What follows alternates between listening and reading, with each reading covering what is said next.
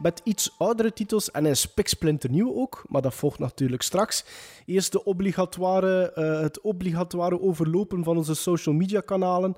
Zijn de Twitter, uh, Instagram, uh, mailen kan naar gremlinstrikeback.gmail.com. We zitten allemaal op Letterboxd. De podcast zelf zit ook op Letterboxd. En dan vergeet ik natuurlijk nog eentje, en dat is Facebook. Maar die is even offline geweest. En ja. ja. GTPS, hè, of noemt dat allemaal? Ja, ja, of, eh, het Ja, en was- het toevallig, was- toevallig op het moment dat Zuckerberg in het land was. Hè? Ja, eh, voordat hij in het land was. Het was terug online als hij in het land was. En dat was Ja. omdat ik, omdat ik ja, Ja, omdat jij hem even hebt. tak gemaakt hebt. Ja. ja, het zal wel zijn. En Ehm, eh, ja, Wat, we, zouden er, we zouden er lang over kunnen uitweiden eh, wat dat probleem was en waarom dat gebeurd is. Maar moet eerlijk zijn, ik, wel, ik loop er nog altijd een beetje aan betant van eigenlijk. Maar hij is terug online. En dat is ja en men heeft direct al wat, artikels gepost waar, eh, waar dat de link hadden die volgt nog geblokkeerd is omdat, Europese, omdat je het op, Euro- op Europees grondgebied zit wegens de Ja, die GDPR of zoiets? Ja, dus Bloody Disgusting kun je momenteel niet bezoeken als Europeaan. Hè. Allee, op dit moment. Misschien dat dat... Inderdaad, klopt. Ja, ja, dat artikel van Invasion of the Body Snatch, die re- retrospective, kunnen we blijkbaar al niet meer lezen. Ja. Ja, die kunnen we al niet meer lezen. Maar voor de rest, eh, ik had gezegd de vorige aflevering dat de t-shirts een keer online te koop gingen zetten. Ja, ik heb Ja, dat nog niet gedaan. Ja, ik heb dat nog niet gedaan, maar dus, ja. Maar ja, Maar alles zat een week zonder Facebook, week hè. op, hè. Voilà, Ja, het is voilà. dat. Dus dat. Nee, maar we moeten even eigenlijk nog kort sluiten met de, met de t-shirts, fabrikant, welke kleuren dat we kunnen... eh, dat, ik zodanig, dat ik direct de kleuren, de juiste kleuren kan eh, erop zetten. Dat dat niet... eh, ja, Geen, dat, geen, dat, tri- dat- geen tricoloren of zo. Hè? Ah ja, tricolore, het zal wel zijn, hè. Zwart, geel en rood, hè. Voor de voetbal. Ah, dat voetbal. Ja, maar de zomer komt er weer aan, dus eh, het is in een sportzomer. Hè. Ideaal, hè, want eh, met nu nog twee afleveringen, dan is het zomer, zomerstop. Dat is goed, want twee jaar geleden met EK had ik niet veel films gekeken, als ik me goed herinner. En Wij, allemaal, dat... wij alle drie niet. Nee, alle drie Nee, nee, niet? nee. Ik weet dat nog, ik weet dat nog dat toen dat over eh, voetbalfilms ging, dat, we, allee, dat ik toch ook mensen zei van ik heb nog niet veel kunnen zien, want het is voetbal. Ah ja, voilà. Dus ja, het komt, de, pa- de pauze, de summer break komt eraan en eh, we doen dan wel weer summer specials. Hè. Maar dat, Ah ja, dat is pas voor juli en augustus. Hè. Als we weten Yes. wat gedaan. Allee, dus ik ben er al sinds klaar voor. Bart hebben we ook al veelvuldig gehoord. Allee, veelvuldig. Het is nog maar de intro. Hè. Sven, zit jij ook wakker en alert en zo? Ja, ja, ja, absoluut. Want, een beetje eh, te want veel la- in de, in de zon gelegen vandaag. Allee, gelegen. je, je hebt, je hebt meer gedaan dan dat alleen, want, want later in de aflevering kom- komt alleen misschien wel uw moment de gloire nog. Hè. Ja, ja, ja. Als het, als het te warm was, dan ben ik ergens naartoe gegaan. You know something, people? You're going to be remembered the rest of your lives for the day you got held up and kidnapped. Victims of Stockholm Syndrome develop compassion and loyalty towards their captors.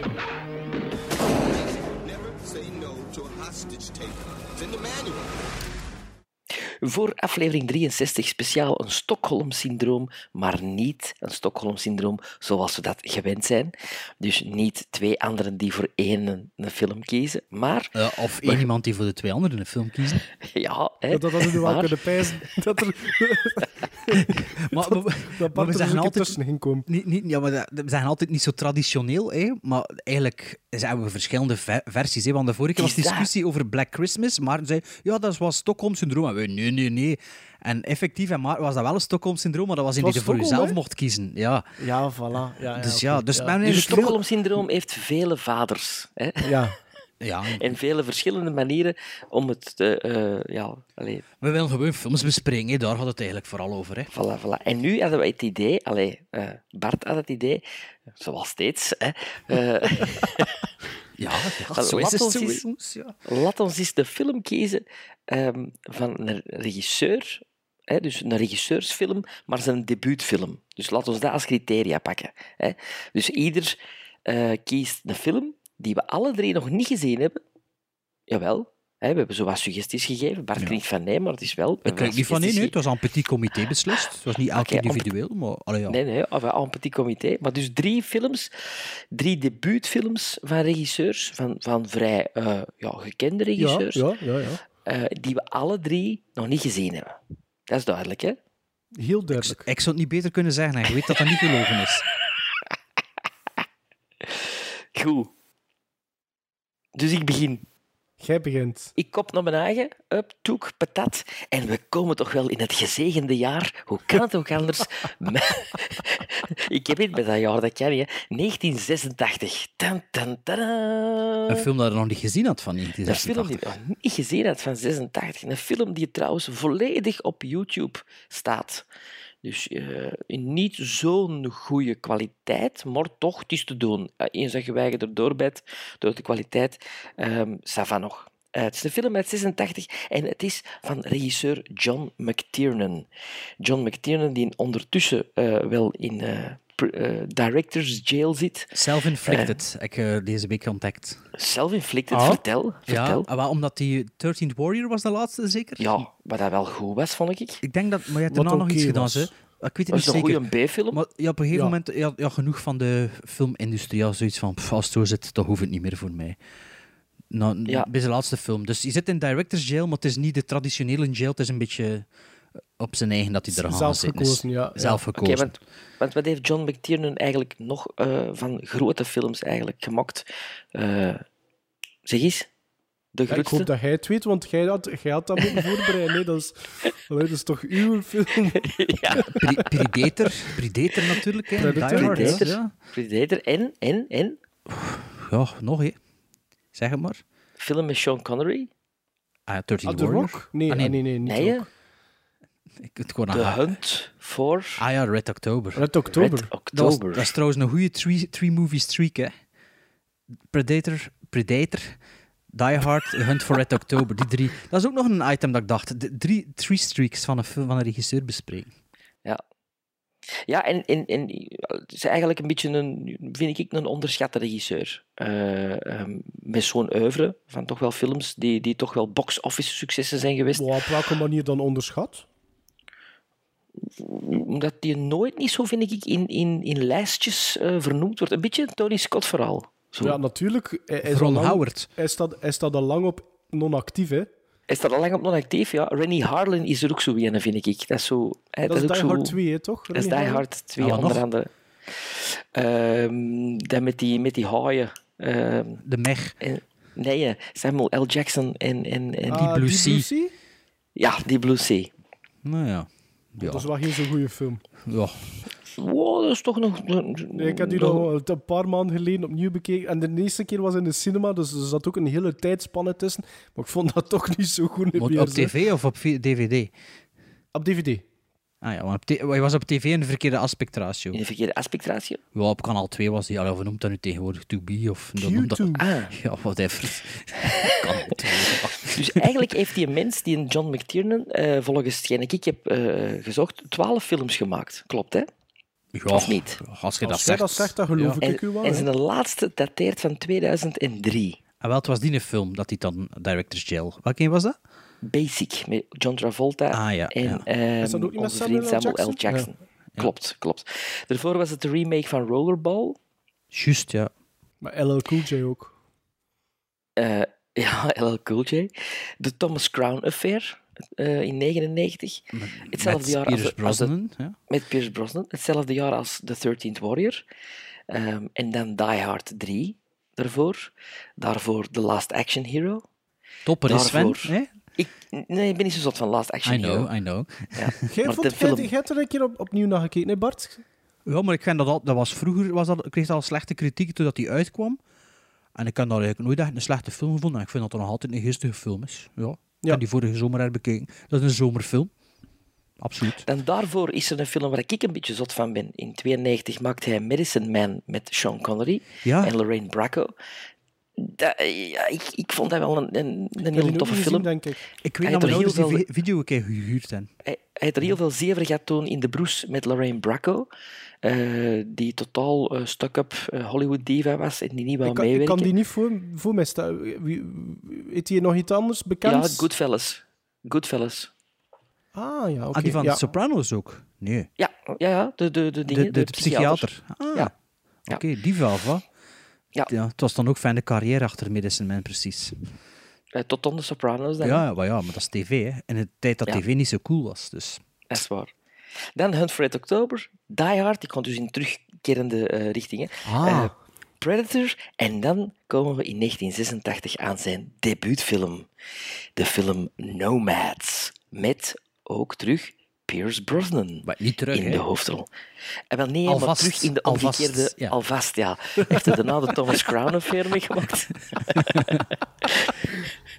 maar, hè, dus die mannen die hebben wel de link waarschijnlijk. Eh, ehm, wie stond er nog in? In eh, onze Nomads, de prachtige, ravissante Leslie Ann Down, waar ik toch altijd een kleine boon voor heb gehad. Vooral voor haar prachtige ogen. Ehm, het verhaal begint met een gewelddadige en pijnlijke dood van een Franse ehm, socioloog slash antropoloog Jean-Charles Pommier, gespeeld door Pierce Brosnan.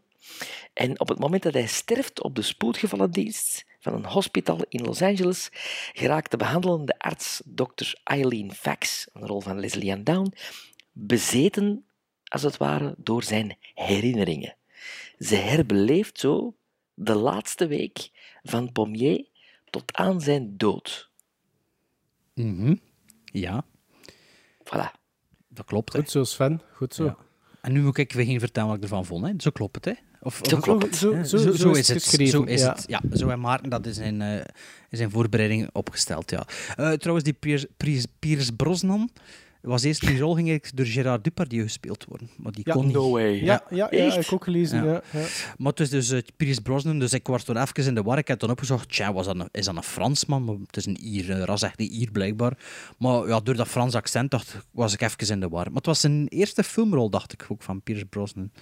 Of zijn eerste En hoofdrol na of zo. tv-series. Ja, Ja, ja, na tv-series. Remington Steele Ja, was klopt. eh, de tv-serie waar hij mee bekend is geworden. Ah ja. ja. Ken je En hij dat, zat- die serie? Nee. Remington Steele, ja, ik weet dat, omdat hij toen ook eh, gedurende Remington Steele in de running zat om Roger Moore te vervangen Als James eh, Bond. als James Bond. Ja, en, en, maar toen is ja, Timothy door, Dalton de dood, door de dood van zijn vrouw eigenlijk, allee, die, zijn vrouw was heel ziek van Pierce Brosnan, heeft hij gekozen van voor zijn vrouw te zorgen en, en, en daarbij te blijven en is de rol naar Timothy Dalton gegaan. Oh, oké. Ah, oké. En eh, zijn vrouw heeft ook eh, eh, gezegd op haar sterfbed van als ze het nog eens vragen, Moet James het Bond, pakken. Moet het moet pakken. En Broccoli is zoveel jaar later... eh allee, Broccoli? nog eens gevraagd. Ja, Broccoli, hè? Albert Broccoli. Is dat waar? Is dat de producer van James Bond, of wat? Dat is de producersfamilie, hè? Want Barbara Broccoli is nou de dochter die het voortzet. Precies hè. over die popjes bezig van der Lijs of zo. De broccoli en met- de... meer- meer- Albert, Bro bijgenaamd QB Broccoli. Nee, zeg me niets. Maar, misschien moet ik in een top 3 producers doen en kun je, daar dan, dan kun je daar wel meer woorden aan vullen aan meneer Broccoli. Ik ben nu wel al fan van hem. Nee, eh Nomads. Eh, ik wist er, ik weet niet, in tegenstelling tot jullie misschien... Niet nomads, niet nomads, hè? Maar Nomads. Dat is ook Nomads. Beter, hè? Ja, fuck Ja. it. Ehm, nee, Nomads. Ik wist er eigenlijk niks van, totaal niets, behalve de naam. Ehm, ik weet ook niet of ik er eigenlijk voor, voor onze research eigenlijk al van gehoord had. Ik heb eigenlijk een beetje reversed engineerd. Ik heb hem voor mijn dvd-kast gaan staan en zo... Oké, wie zijn de regisseurs hier in mijn kast en wat zijn hun debuutfilms? En toen kwam ik op Nomads uit. Ehm, dus ja, ik begon te kijken naar de film zonder eigenlijk een notie van waarover dat, dat ging. En ja, ik weet niet zo. Ja, ik begon er naartoe te kijken met veel hoesting. Maar ik denk niet dat het de eerste film was van de drie dat ik gekeken had. Ik denk zelfs dat het de laatste was. En ja, ik vers- versnapte het precies zo niet. Maar ik dacht, ja, oké, ik zal wat beter opletten. Maar na een half uur was ik nog altijd niet mee. En de film, het is een korte film in 90 minuten of zo, is het niet... eh. Ja, het zal niet veel Ehm, meer zijn. 91, ja. Ja. En ja, met die, met die flashback, met die verpleegster en die vrouw, was de ene van de twee speelde een dubbelrol. En het eerste half uur snapte ik niet goed van... Ja, dubbelrol. Een Ja. dubbelrol? Nee. Dus Maar een ik- dubbelrol. Ik dacht dat die ene eigenlijk de herinnering beleefde door, het- door de ogen van die vrouw.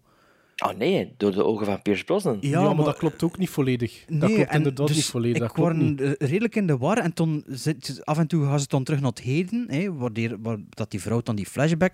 En daar zit, is het dan zo'n andere vrouw die like, de telefoon gaat gaan oppakken, of pakt de telefoon, maar dat is dan later in de film, de telefoon gelijk op.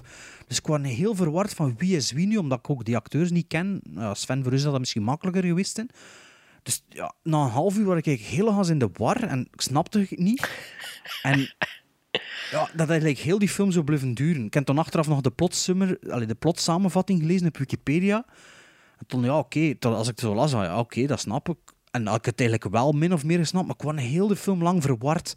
En ja, en er is dus nooit in toegeraakt. En ja, ik vond het helemaal ja, een saaie film eigenlijk ook, omdat de, de villains in de film, voor mij zijn dat geen villains. Dat zijn nomaden die nog ja, rondspoken, of, of ik weet niet, allee, ik weet niet, ik weet wel juist wel, maar en ja, waarom is die Pierce Brosnan er zo tot aangetrokken en waarom is dat zo belangrijk dat hij daar zo een onderzoek naar voert en ja, in mijn ogen zijn dat ook geen tough guys of zo. Dat zijn, ja, dat zijn gasten, dat is zo typisch jaren 80 punkers, metals, zo, die er maar wat foemp Lost uitzien. Boys.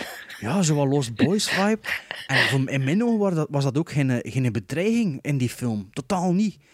En, Nee, zo'n beetje nozems die op straat hangen. Ja, en dat, dus van in het begin had ik ook al zoiets van, ja, who cares? Allee, waarom, waarom moet dat personage door zo, is die daar zo door gedreven en zo door gefascineerd? En, Ja, wel, dat snapte ik ook niet Maar goed, dat is een dat zijn antropoloog, drijfveer was. maar ja, een antropoloog. Personage, en- ja, maar, maar, maar als je dat ziet, bijvoorbeeld naar al de foto's dat hij eerder genomen ja, had, in dan Afrika, doet hij dat, in de maar dat doet hij dat blijkbaar wel onderzoek naar.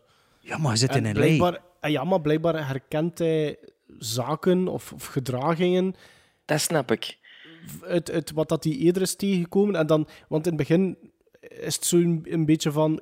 eh, vraagt zijn vrouw of zijn vriendin, ik denk dat zijn vrouw is wel in de film, vraagt aan hem, had u hier wel kunnen settelen, had u wel kunnen aarden? Ja, ja, ik weet het, ja, tuurlijk. En dat Dus is ik dan denk dat hij dan sterker, zijn, zijn en- aard die weer boven komt zo. Maar, Ja. maar ja, het, op een gegeven moment is er, trekt hij ermee op en zit hij in zo'n leegstand gebouw en komt er zo'n een motto af, als ik me goed herinner, in dat gebouw of zo. En ik, ik, ik zo, wat gebeurt hier allemaal? En ook, ik vond, vond het verhaal was zo... Ja, mos, mossel nog vis precies tussen zo... Het was niet zo all-out David Lynch...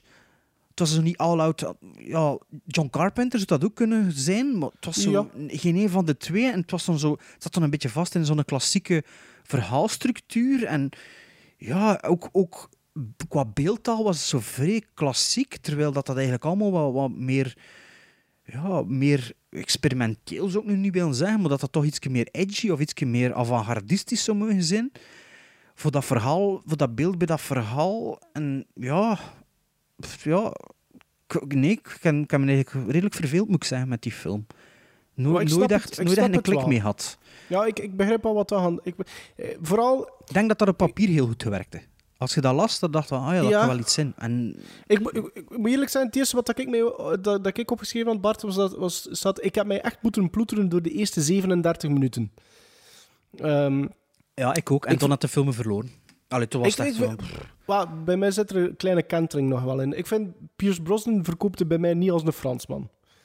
Dat, dat werkt niet. Ehm, die dubbele verhaallijn en die link, die, die telepathische link noem ik dat dan, tussen hem en het personage van, hoe noemt ze, Leslie Ann Down, Dr. Ja. Eileen Nee, eh, Flex. Leslie en Papa. Nee.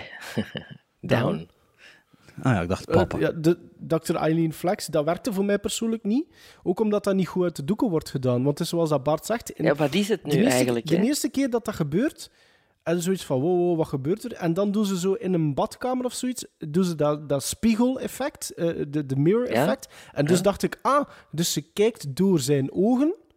Dus ik dacht van, ah, ze zit in het personage van Pierce Brosnan, maar daarna, ik denk zelfs de eerstvolgende keer, zie je hoe dat hij van een trap ook wandelt. Dan heb ik zoiets van, dat ja, ik dacht dat ze wat, zit- Wat, wat, wilde ja. nu- wat probeerde te bereiken? Want, want wat moeten nu als kijker denken wat dat, dat is? Dus voor mij werkte dat eigenlijk niet echt. En, en zeker naar gelang dat die film verder gaat en de Hanse opbouw tot de kennismaking dan met die nomads, ja, dat verliep was stroef. Eh, ik vond wel, want, want de, de kennismaking met die bende is op minuut 37, want ik heb toevallig keek ik op dat moment waar dat ik al zat. Heeft de film een paar redeeming qualities? Ehm, ik vind die obsessie van Pierce Brosnan met die bende vond ik wel oké overkomen. Ik, ik, ik ging daar wel in mee. Ehm, de drijfveren van, de, van die bende waren... Goh, goh ja, dan, om met Bart zijn woorden, mossel nog vissen. Zo. Ja, het, was, het, was, het was niet oninteressant, maar het was ook niet boeiend genoeg. Ehm, maar alles wat dat buiten die obsessie van Brosnan met de gang, dat vond ik vo- volledig saai. Ik vond, dat, dat wekte bij mij geen interesse op. Dus alles wat dat er gebeurde met die Dr. Eileen Flax, de conversaties dat Pierce Brosnan had met zijn vrouw bijvoorbeeld, ik, ik raakte daar niet in. Dat, dat was allemaal niet boeiend. Dat was, het was ook niet, allemaal niet goed genoeg geschreven. Ehm, ik ook weinig humor, daar vond ik. Ja, was, hier en daar zat er wel een mooi shot in nog. Hier en daar. Niet veel. hier en daar. Ehm, en dan over shots gesproken. Dat laatste shot was voor mij persoonlijk geen verrassing. Oh ja, tuurlijk niet. Eh, absoluut geen verrassing. Maar, maar doet dan nog meer vragen reizen over dat, eh, dat personage van die Dr. Flex. Ehm goh ja, ik weet het niet, Nomads. Zolang dat die focus lag op, op Brosnan en de gang... ehm, en dat Pierce Brosnan het amper zijn mond open moet doen, eh, vond ik de film best oké. Met hier en daar wat noemenswaardige, tussen aanhalingstekens, eh, spanning. Maar daarbuiten zakt die film continu in elkaar. Zeg, en ik heb trouwens gelezen, eh, Sven, maar dus de, de Véronique Pommier, die de vrouw speelt van Brosnan in de film, Mhm. dat was zijn vrouw ook in het echt. Dus is die, dat dan- dan... die overleden is dan? Of? wat? Eh, Ja, wel, dus dat, dat, dat vroeg ik me nu juist af, want ik kende dat, Dat verhaal ik- bijvoorbeeld niet. Dat, dat wist ik niet. Nee, dus dat wist dus ik niet. die actrice, die, ah, die naam van de actrice is Anna Maria Monticelli. Ja. En ik heb gevonden dat dat blijkbaar op dat moment ook de... Ah nee, wacht. Nee, sorry. Ik heb Nee, nee, het maar dat is het was, hè? Nee, het was ehm, eh, John McTiernan had een relatie met die... ehm Veronique Ah, met die. Anna. Ja, ja, ja. die dan de vrouw was van Pierce Brosnan op dat moment. Oh, Maar nou, dat ze niet, nooit hè. meer samengewerkt en tot in 98 of 99 voor de Thomas Crown Affair. Ik had verkeerd. Dus Ah, blijkbaar die actrice die Veronique Pommier speelt, had, was op dat moment in een relatie met eh, John McTiernan. Zo was het. Ah, ah, zo, zo. Ja, voilà, dat was... eh, Ja, en jammer, ook trouwens- is jammer om op die manier mijn dinges af te sluiten. Ja, jong, ja. Kijk, het dat, je schrijft dat dan allemaal uit en dan... Hé, goh, Ik vind ver- dat eigenlijk de Pierce Brosnan dat eigenlijk wel goed doet. Ik heb er niet zo'n probleem mee. Met dat accent... Ik vind dat... Ja, eh, eh, Gerard Depardieu, die het Engels spreekt, is even erg, vind ik, als Pierce Brosnan, die probeert een Frans accent te doen. Maar, Ja, maar ik, ja. allee, erg. Ik, ik, ik geloof dat wel zeker, omdat het een van de eerste rollen van Pierce Brosnan is. Gezien in zijn tijd denk ik van, ja, ja ik, ik vind niet dat hem dat slecht doet. Ik wist niet dat, dat Depardieu dat eerst moest spelen, dus dan denk ik van, ja... Waarom veranderde dat dan niet in het script als die een acteur... Allee, waarom mocht het Maak er dan... een hier van. Ja. Ja, waarom niet? ja. Ja, voilà. Maar misschien was dat wel voor Pierce Brosnan een uitdaging om dat zo eens te proberen, om zo weg te zijn van dat Brits van Remington Dat was, exact, dat was exact ook de, de, de uitleg dat ik online gevonden heb, dat hij effectief Ah, voilà. zo ver mogelijk daarvan af wou. Juist dat om vind niet getypecast te worden. Ja, Ja. inderdaad. Dan vind ik dat wel tof. Ik vind het absoluut geen horrorfilm. Het wordt overal bestempeld als een horrorfilm. Is dat? Ik vind dat heel... Oh, ja, oh. ja, overal is dat eh, onder de dingen horrorfilm. Oh ja, oké. Ik vind dat geen horrorfilm. Nee, het, begint wel, het begint wel gelijk een horrorfilm. Eh, met de muziek, die heel goed is trouwens, van Bill Conti. Ik vind heel sfeervolle Ja, muziek. die muziek wel, maar de, de gitaarriffs zijn zo cheesy en dat is dan nog van Ted Nugent, hè? Dus elke keer aan die Ah, moments nee, is ja. er zo... wow, wow, wow, wow. Zo van die gitaar, Nee, maar- slicks, slick riffs en zo. En ik dacht, jongen, zo cheesy en zo slecht. En toen zag ik bij de aftiteling dat van Ted Nugent was. En dacht ik, ja, dat was ook maar een paycheck met wat riffs die hij nog in zijn schuif liggen had. Vertel Maar verder. zo het beginthema met de begingeneriek, die, die zijn wel veelbelovend. Want je zit hier, Ja, dat die is waar. Ja, juist. Ehm, het deed mij wel enorm denken inderdaad aan Near Dark op sommige momenten. Lost Boys ook zo, die, die, die dingen. En een film uit 91, Where the Day Takes You. Eh, een film van Mark Rocco. ehm, over ook zo eh, teenagers. eh, Heb je dat tegen ons gezegd op WhatsApp? Of heb ik dat toevallig ook gelezen deze week? Zeg Ik me heb wel dat iets, gezegd. Ja, ik denk maar niet dat Sven dat eh, op WhatsApp gezegd. Nee, ik ken er ergens Dat zo- tegengekomen dan, die film. Ja. Echt zo van Outcasts. Zo, hè. Dat was wel zo, eh, dat is een film uit 91, deze 86. Er was wel zo een, een tendens in de films toen van eh, zo slechterikken, zo uh, nozems. Hè, zo eh, teenagers Foot- die samen hokken. Turtles, hè. Ja, Allee, in de film. ja, Ja. ja, ja. ja. Zo, dat was, dus ik denk dat, dat, dat met Nomads misschien een van de eerste keren zo wat, eh, eh, in een film is gekomen. Wa- Want de rest de- is allemaal van daarna. Ja, The Warriors is eigenlijk het eerste. De Nomads is Ja. een gang in The Warriors, Dat is volgens mij juist, zelfs. dat is Dus, juist. Ja, allee, je hebt gelijk. Je hebt gelijk. Ja. Ja. ja. Nu, ik, ik vond dat onsamenhangend, Ja, ehm, maar het heeft mij niet verveeld. mij wel. Mij wel ook, ja. Ah, oké. Ja. Maar ja, ik, dat, ik dat, vond- dat, dat, dat slaagde mij niet erin om mijn ogen continu op het scherm gekluisterd te houden. Pff, nee. Ik zei het, Ik heb dat ook in drie stukken gezien wel. Ah ja. Ja. Ja. Ik heb dat echt wel in één, in één trek uitgekeken. Ik ook in één keer. En ik moet zeggen, pff, ik laatste half Het was uur een moeilijke zit. was het eh, er deur sleuren voor mij. Maar eh, ja, misschien in drie keer dat het dan wel beter is in dit geval. Het is altijd een film geweest die altijd op mijn lijstje heeft gestaan van films van de jaren 80 die, die ik nooit heb gezien.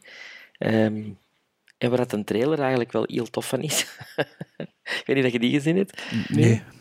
Als je een trailer ziet, dan denk je van, oh ja. Oh. Maar je kunt het nu tenminste afkruisen. Ja, voilà. Maar eh, de, ja, McTiernan is nu wel niet zo'n typische visuele regisseur. Of je hebt toch niet echt zoveel tropes. Ik weet niet, herkende je er hem in dit debuut zijn, zijn latere visuele Nee, stijl? nee, of- wat, wat, nee. wat, raar ook is, hij heeft, een, hij heeft wel iets, een, een trucje dat hij in een paar films eh doet, onder andere in Hunt for Red October en in The 13th Warrior, hanteert hem hetzelfde trucje om mensen die een andere taal spreken ineens Engels te laten spreken. Dus in The Hunt for Red October is het Sean Connery die Russisch spreekt en die een brief voorleest en ze zoomen in op die brief en het moment dat ze helemaal op die brief zijn, verandert die brief ook in het Engels en eh, spreekt Sean Echt? Connery ineens Engels. Ja, ja, ja, ja, In- ja. In The 13th Warrior zit Antonio Banderas rond een kampvuur en verstaat niks van de vikingtaal. En de camera gaat er helemaal rond en af en toe komt er zo'n woord in het Engels, een woord in het Engels en op de deur spreken die allemaal Dat Engels. vond ik wel en, heel, heel goed gedaan in de 13th Ja. Warrior. al en wel, ik vond dat in Hunt for Red October ook.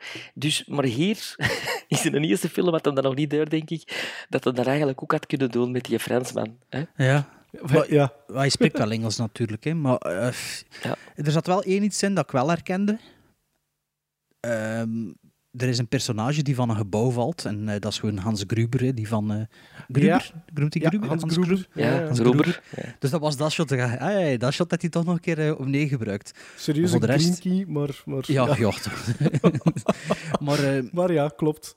maar ja, voor de rest weet ik nu ook wel niet of dat John McTiernan in vergelijking met de andere twee echt wel zo'n visuele d- director is. De- Allee, dat Nee, is zo'n stijl, zo'n een echte stijl, zo bedoel ja, heeft. ja, toch Ja, niet die- echt, twee- Nee. Dus ja, het was niet echt zo'n goede keuze. Maar ja, we weten dat niet op voorhand. Hè. We weten dat niet op Nee, voorhand. is dat, hè? Ja, eh, Gizmos. Ah, Gizmos nog, ja.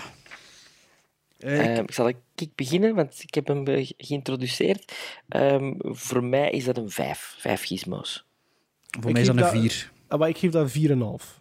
Ah ja, voilà. Allemaal op dezelfde lijn. Eigenlijk, ja. Eigenlijk, we hebben Ah. denk ik nog nooit zo dicht bij elkaar gezien. Ja. Allemaal niet echt positief, maar toch. Hè. Voor, de, voor de volledigheid hebben we hem toch mogen Ja. zien. De Godverdikke zeg. complete is onder ons. The owner was only here for a little while, but they did a good deal to the house. It started out to be their dream house, What do you think, huh? A place to call their own.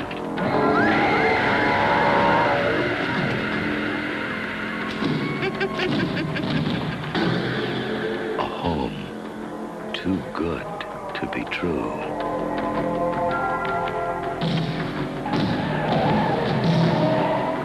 With a secret more horrifying than you can ever imagine.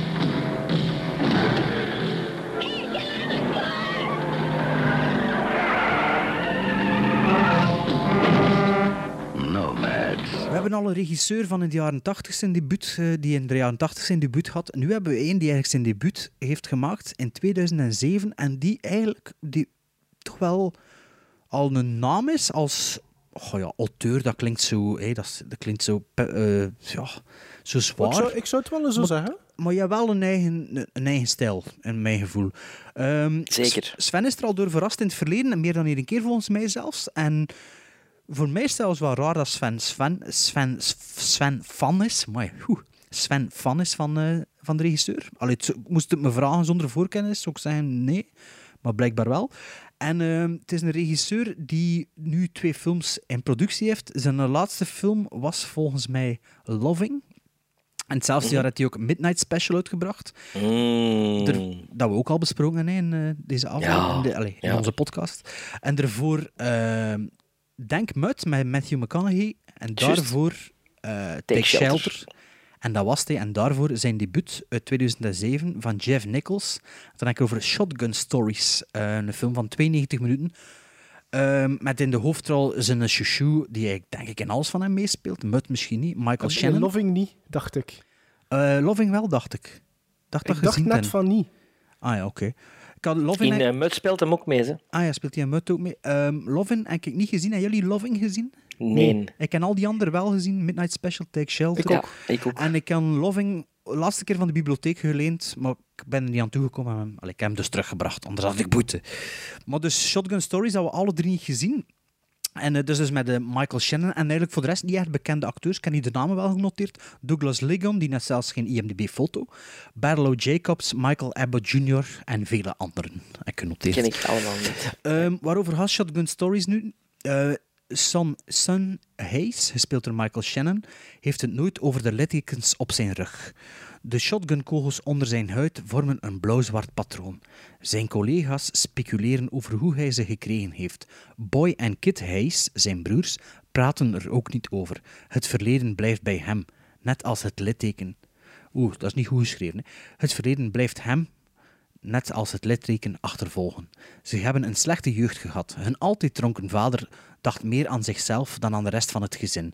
Toen deze op een gegeven moment het gezin verliet, verbeterde hij zijn leven en werd een succesvol man. Hij hertrouwde en bracht nieuwe zoons ter aarde. Op de begrafenis van vader Hayes ontstaat er een ruzie Sorry. tussen de twee groepen zoons. Daarover gaat Shotgun Stories in een notendop. Wauw, dat is... Wauw, Bart. Poëtisch movie- geschreven, is hè? dat, is dat Movie Meter ook? Tuurlijk. Maar je hebt het wel nog nooit met zo'n timbre gebracht. Maar Het ding is, is, ik heb het een keer, ik heb het een keer gelezen voordat ik het... Allee, voor- bij de voorbereiding. Ah. Meestal copy-paste ik het en dan is het zo... Ja, shit, wat stond er hier? Maar nu heb ik het een keer Ja, ja, gelezen. ja. Hè, dus ik begin te leren. Hè. Af- aflevering 63. Ik begin het te leren. Nee, ehm, daarover had dat eigenlijk. Hè. Shotgun Stories. Over, over, een, ja, over een paar zonen die eigenlijk in ruzie komen met een andere zoon op de begrafenis van een gezamenlijke vader. Ja. Allee, halfbroers eigenlijk hè, van elkaar. En eh, speelt, dat staat er nu niet in. Het speelt zich af volgens mij in... Ja, zo wat... Het, dat- het zuiden, hè? ja, Ja. ik weet niet of dat het zuiden is of de Midwest misschien in de zomer. Het is zo... Ik denk dat het echt zuiden is, hè? Ja, Ja, Bible Belt bijna. de. Bible Belt misschien. Ja, dat kan het Ja. wel zijn. Ehm, ja, eh, maar wat vond hij ervan? Shotgun Stories ehm, vond ik... Allee, de, de eerste term die in mijn hoofd te, te binnen schoot, ik vind dat een minimalistische film. Ehm, gesitueerd in een nagenoeg doods stadje, blijkbaar. En die, zo'n ganse film die, die dweept met een soort van depressieve ondertoon. Eh, zo een soort van tristesse dat zij weerslag heeft op eigenlijk ieder personage dat je tegenkomt in, in, in, de film. Ehm, wat ik bijzonder positief vond aan Shotgun Stories, is dat die, ja, ondanks dat kleine verhaal, voor mij, ik spreek natuurlijk enkel voor mij, continu boeiend blijft. En dat heeft niet alleen te maken met het sterke spel van Michael Shannon, maar dat zijn we ondertussen ook alweer gewoon. De Ehm, mompelaar, hè? de Mompelaar, ja. Ehm, eh, dus niet alleen met, met zijn spel, aangezien dat ik eigenlijk nagenoeg iedereen die erin opdraaft goed vind, tot heel goed zelfs. Eh, maar ook met de goede opbouw ehm, eh, van de film. Scenarieel ehm, vond ik de film heel goed geschreven. Niet alleen met de vooruitgang van die veten, waar dat Bart het al over had, tussen de halfbroers, maar ook bijvoorbeeld met die zaken in het verleden die stelselmatig terugkomen en daar, waar dat er dan op verder wordt geborduurd. Ehm, en die twee zorgen ervoor dat die int- intrigue continu blijft vergroten. Ehm, we komen dan ook wel later meer te weten over die littekens. ehm, ook waar dat Bart eh, al iets over gezegd heeft. Het enige... Op een gegeven moment had ik schrik dat de film in act 3 plots heel stereotyp zou gaan worden. Ehm, Was in act 3? ja, wanneer, ja, ja, pas dan. Want tot, tot, tot dan had ik echt niks van problemen eigenlijk met de film. Ehm, maar in act 3 ehm, neemt Boy, een van die twee broers, eh, de, allee, de echte broers van Michael Shannon dan, ehm, Ja, Boy, Kid en Son. Dus ja, ja, dat is Boy, makkelijk Kid en te weten Son. welke En die Boy onderneemt dan, ja, of wil actie ondernemen, zullen we maar zeggen. Ehm, en ik dacht van, oei shit, eh, ik hoop dat dat nu niet allee, gaat gebeuren gelijk dat ik het in mijn hoofd heb. Anders is dat wel cliché. relatief stereotyp en cliché geschreven. Eh, maar gelukkig draait ook dat anders uit. En eigenlijk echte negatieve zaken heb ik niet. Sterker nog, ik heb nu eigenlijk alle films gezien van Nikos, behalve die, een- die Loving. En ik denk dat ik dit zijn beste vind, tot nu toe. Wow. Ja. Mooi. Ja. Oké. Ja. Dus ik ben benieuwd wat dat Ik jullie vind van dat vonden. een, ja, ik vind dat vooral een acteursfilm. En dan vooral een Michael Shannon-vehikel. Eh, Dat klinkt al dat negatief, Michael- vehikel. Ja, nee, ja, ik bedoel, dat is... Ik ben zot van Michael Shannon. Die mens die mag van mij een telefoonboek voorlezen. Ik vind dat... Stilaan is die toch bij de grote eh, character actors aan het komen. Is Zelfs al een beetje erboven. Ja, hij is al lang bezig ook. Als ze zijn credits ziet, zit hij in veel dingen dat hij zegt... Godverdomme, Straf, zit hij daar ook Ja. in. En ik heb hem de eerste keer gezien in ehm, ehm, Reservation Road. Nee, is het Reservation Road? Revela- Revolutionary Road. Met- Rev- Kate ja, Blanchett. Eh, Kate Blanchett, DiCaprio, en- ja. Die speelt ja, ja. de buurman zeker hè, van hem? Kate Niet- niet Winslet. Kate, Kate Winslet. Ja, Ja. speelt hem de, de buurman, de zoon van eh Kathy Bates. Eh Ook zo'n ik hem ook goeie fantastisch film, vond. Dat een goeie en film. Dat, dat is een hele goede film. Eh, dit is, vind ik, wel heel stereotyp. Eh, wel heel conventioneel van verhaal. TV-film-achtig. Overstijgt voor mij niet eh, dat gemiddelde van een tv-film van, zo van de jaren 90. Ehm, ik, snap als, ik snap dit wel als eerste film, als debuutfilm. Ik snap dat hem alle grenzen zo wat aftast van waar hij in zijn andere films, in zijn latere films, meer laat ontplooien. En meer... meer ehm, ik, zie- ik, ik zie die lijn wel meer in zijn eh Ja, ik, dat is, dat is, het is wel een, een, een Nichols film, hè? Het is, een, het is een beginfilm van een afgestudeerde student die zegt dit is het soort film dat ik wil maken, Voilà, maar nog niet, wel maar nog zijn niet toon en zijn stijl al bij zijn debuut, vind ik. maar nog ja. niet gefine-tuned, vind ik. Nee. Want ik vind zijn andere films veel... Oh, dat zei ik, hè? Ja, Dus twee die ik op vind- stapel staan, zijn ook twee sci-fi films weer. Hè.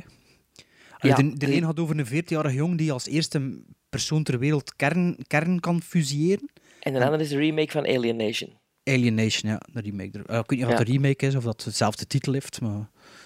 Ik denk het wel. Dat het, eh, ja. Is een tv-serie zeker als dat Alien Nation. Een film ook, hè, met James Caan. En, met James Ah, en ja, James Caan, En dan, en dan een reeks geworden. Ah ja, ja, oké. Die niet, niet, niet gelukt is. Maar ik- wat ik nou heel hard in deze film vond, was het hetzelfde nihilisme en eh, slash saaiheid van The Last Picture Show van Peter Bogdanovich. Ja? Ja. Nee. nee. Zo, zo hetzelfde van, ja, oké, ik vond die scène dat, die, dat, die, dat hem naar die begrafenis komt, vond ik heel veelbelovend. En dacht ik van, wauw, oké, goed. Maar dan, ja, wat, wat, wat gebeurt er dan?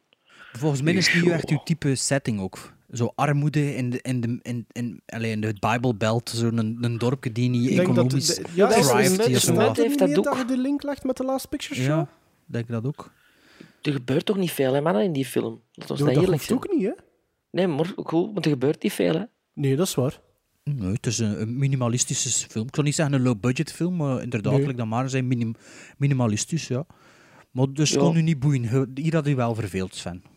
Of niet, of het was te Ook voorspelbaar. niet verveeld, ook niet verveeld, maar ik, ik vond het een veel een duidelijker een debuutfilm dan Nomads. Omdat je weet van, oké, als je verder ziet naar de andere films van Jeff Nichols, weten, ja, dat is de stijl, maar een regisseur die nog heel veel Zoeken. werk aan de winkel heeft. Zo. Ja. En, en, en waar je dan voelt van in elke volgende film van, oh ja, oh ja, oh ja, ja, tot Midnight Special, waar ik een, ja, klein meesterwerk vind. Ja, maar sorry, Eh. maar dan, dan onderbreek ik u, want Midnight Special vind ik, als je de films bekijkt van Jeff Nichols tot voor Midnight Special, vind ik dan Midnight Special een atypische film.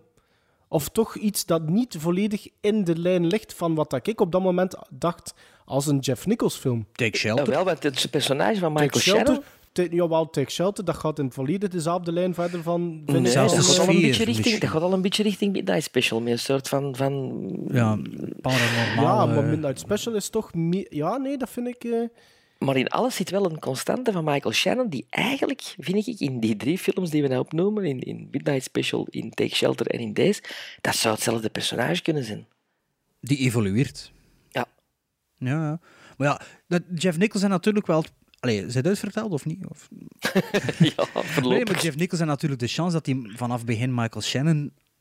Allee, Ik kan... eh, dat is vanaf een- aflevering 63 dat ook beginnen vragen voor daarom zo Ja, maar eerst al voel ik het wel aan, maar Dat is, een, dat is een gouden combinatie, die twee, dat voelt. Hè? Dat is als Scorsese en een De Niro had, en, en Nichols. Shannon.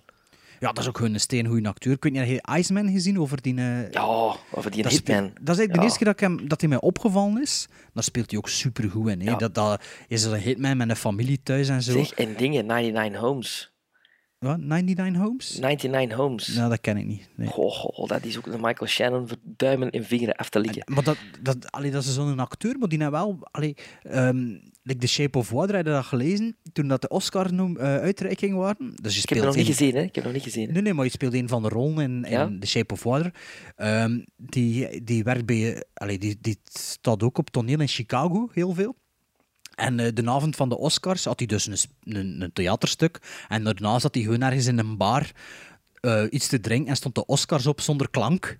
En er, ik heb zo foto's gezien op Twitter of ergens op een website dat hij zo gewoon door iets zit te drinken. En zo, ja, best op tv wordt zijn film uitverkozen tot beste film van het jaar. En allee, Oscar voor de beste film en beste, of beste regie alleen, beste film ook. Hè? Beste film, film ook. ja. Ja. En eh, ja, Maarten weet dat natuurlijk met zijn 23 op 25. Uiteraard. Eh, oh ja, dus dat typeert ook wel een beetje wat voor het type mens dat dat dan zo is. Dat zal een beetje een, effectief een beetje een weirdo zijn. Dat dat zo moet allemaal niet zo glamour en al zijn, maar dat als er op aankomt, dat hij er wel staat, ik zo. En ja, ik vind dat dat misschien wel een beetje doorcijpelt naar al zijn verschillende personages dat hij ook zo gedaan heeft. Ik weet het niet, dat zo... Ja, of is dat omdat, hoe dat hij eruit ziet of hoe dat hij spreekt. Maar ik kende zo dat gevoel dat als ik dat zo hoorde van ja, dat klopt wel binnen een Michael Shannon, dat hij zo is. Die is ook blijkbaar heel trouw aan zijn theatergezelschap. Want allee, je er blijkbaar ook rollen laten als die geboekt is voor zijn theaterstuk. Of, of dat er iets op tel Ja, Alex staat. van Ridder? Ja, van van der der Ridder. Ja, ja. ik- first, first is first, hè, zeg ik altijd. En dan, ja, dan soms moeten kiezen of, of delen. Maar dat is een les die ik heb geleerd van mijn leraar Herbert Vlak. En die zei altijd, als je een woord hebt gegeven ergens en je zit je bent committed, dan, ja, dan moeten eigenlijk in 99% van die gevallen... Z- Zeker als acteur, hè, ja. Ja, Allee, ja. Ja. Als cameraman Dus, eh, of zo is dat. Allee, soms zijn er keuzes die je moet pakken. Die, allee, ja. Of, of kansen die zich voordoen dat je wel moet grijpen. Maar los daarvan, hè. Michael Michael, Shannon. Michael Shannon trouwens ook in Animal Kingdom. Wat een prestatie daar ook. Hè. In, eh, nee, sorry, Animal Kingdom niet. eh, Nocturnal Animals, sorry. Ja, ja, ja. dat is-. Fenomenaal. Ja. Tuurlijk, tuurlijk. Ehm, Sven, je zegt tv-film en ik volg u daar ook wel deels in verhaalmatig. Ja, zo jaren maar 90 visueel, zo. visueel niet. Er zitten heel veel scènes die in één shot verteld worden en dat zie je niet in tv-films. Er, allee, dat is mij niet opgevallen. Dat dat, want normaal shots die in, allee, scènes die in één shot worden verteld, hebben dan zo een soort van... Ja, ziet ja, ja, maar er, het viel me wel op dat er in deze film redelijk wat scènes in één shot verteld worden, zonder dat de aandacht erop gevestigd wordt. Wat dan ook wil zeggen Ah. Dus dat de regisseur wel een, een goede plan, allee, mise en scène heeft, zowel allee, een beetje wat als Spielberg ik zal het zo zeggen. Dat, dat, dat, vind ik ook. dat hij dat wel kan uitwerken, ook al is het is een, is een debuutfilm. Het, is vooral inderdaad een acteursfilm, dus staan allemaal goed tot steengoed acteren. Het verhaal, ja, like dat maar zegt, minimaal, maar ook net niet voorspelbaar genoeg voor het, voorspel, allee, voor het voorspelbaar te noemen. Het kabbelt door en het gaat u ook niet van uw sokken blazen. En je nooit dat Nee. gevoel dat dat gaat gebeuren met die film. Met Take Shelter hadden dat wel meer of met Mut, van dat de pijst van nu gaat er iets moeten gebeuren of, of dat dat al dan niet gebeurt, laat ik in het. Maar ik vind wel, als debuutfilm vind ik wel dat hij er wel staat, die film. Eh, ook veel prijzen gewoon als, als debuut, beste debuutfilm voor, eh, voor ik weet niet wat, eh, op verschillende filmfestivals, beste debuut, dit of dat zo. En ik vind dat, dat de regisseur toch wel een redelijk, ja, like dat we alle drie zeggen, zijn, zijn toon al vindt bij deze film. En, eh, Zeker, het, is zeker. geen, het is geen grootste film, nee, maar het is... allee, het- ik vind ook dat de, los van het acteren, de wereld en de, en de, de setting, ik ga erin mee. Ik, ik, ehm, Ja, ik geloof- zat er ook ik geloof dat Ik denk binnen, binnen 20 jaar... Oh ja, maar het debuut van Scorsese, het debuut van De Palma, ja. Ik heb ze niet gezien, ze, denk ik. De debuut van Spielberg. Duel. Die is toch nog, al, is toch nog altijd als een huis overeind, hè? Bedoel je dan Duel of Jaws? Nee, Duel. Ja, maar dat is een tv-film, hè? Ja, maar ja, dat is een langspeelfilm. Is, hè? ja, ja, een lang speelfilm dan. Oké, ja. eh pff, Gizmo zeker dan? Ja. Ja, Ik, geef, ik- die- ik, geef die, ik, ik, ik geef die 7,5. Mai, bijna seal of Ja. approval. Eh, voor Ja. mij eh, is dat een 6. Voor mij is het ook een 6. Als fan Oh, dus. dan je toch positiever dan dat ik dacht was. Van, ja. Nee, nee, maar... Ja, 6. Ja. Ja, ik, ik, ik, ik, ja die, die film begon te spelen, ik zat daarin en dat heeft mij aan het scherm echt gekluisterd. De, allee, daarvoor was Nomads ook wel. Dus dat heeft er misschien niet... Maar wel, nee, dat heeft er niks mee te maken. Nee, 7,5.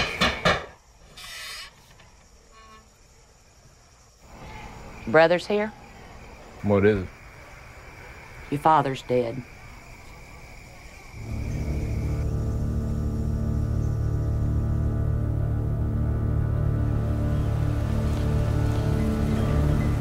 Here because you think this was a good man, but he wasn't. Just because you stopped drinking, call yourself Christian, get a new life, start a new family, that, that doesn't make you a different man. You raised us to hate those boys, and we do, and now it's come to this. What happened? I said some things, You think that was wise? doesn't matter. For too long, somebody's liable to get hurt and it might be one of yours. Anything happens to one of my brothers, I'll come after all of you. We begonnen in 86. En voor de derde film gaan we vijf jaar daarvoor naar 81. Want in 81 heeft een zekere Michael Mann, of Michael Mann, wat moet je eigenlijk zeggen? Michael Mann? Nomad, Michael Mann. Michael, Michael Mann. Mann, want er staan Michael twee. N'en. Michael Mann heeft in 81 zijn debuutfilm uitgebracht, genaamd Thief. Ehm, Michael Mann die later... Ik heb nu wel niet... ehm, ik ga nu niet al zijn films in, maar Michael Mann die later Manhunter, de eerste film waarin dat personage van Hannibal Lecter wordt opgedraven, The Last of the Mohicans, Heat, The Insider, Ali, Collateral, Miami Vice, Public Enemies en nog andere films zou draaien. En als regisseur is hij ook veelvuldig actief als producer van zowel films als tv-reeksen. Eh, Thief vertelt het verhaal van Frank, vertolkt door James Caan, een professionele dief met als specialisatie het kraken van kluizen. Frank heeft een visie, een plan voor de toekomst en dat, net dat is de reden waarom dat hij doet wat dat hij doet.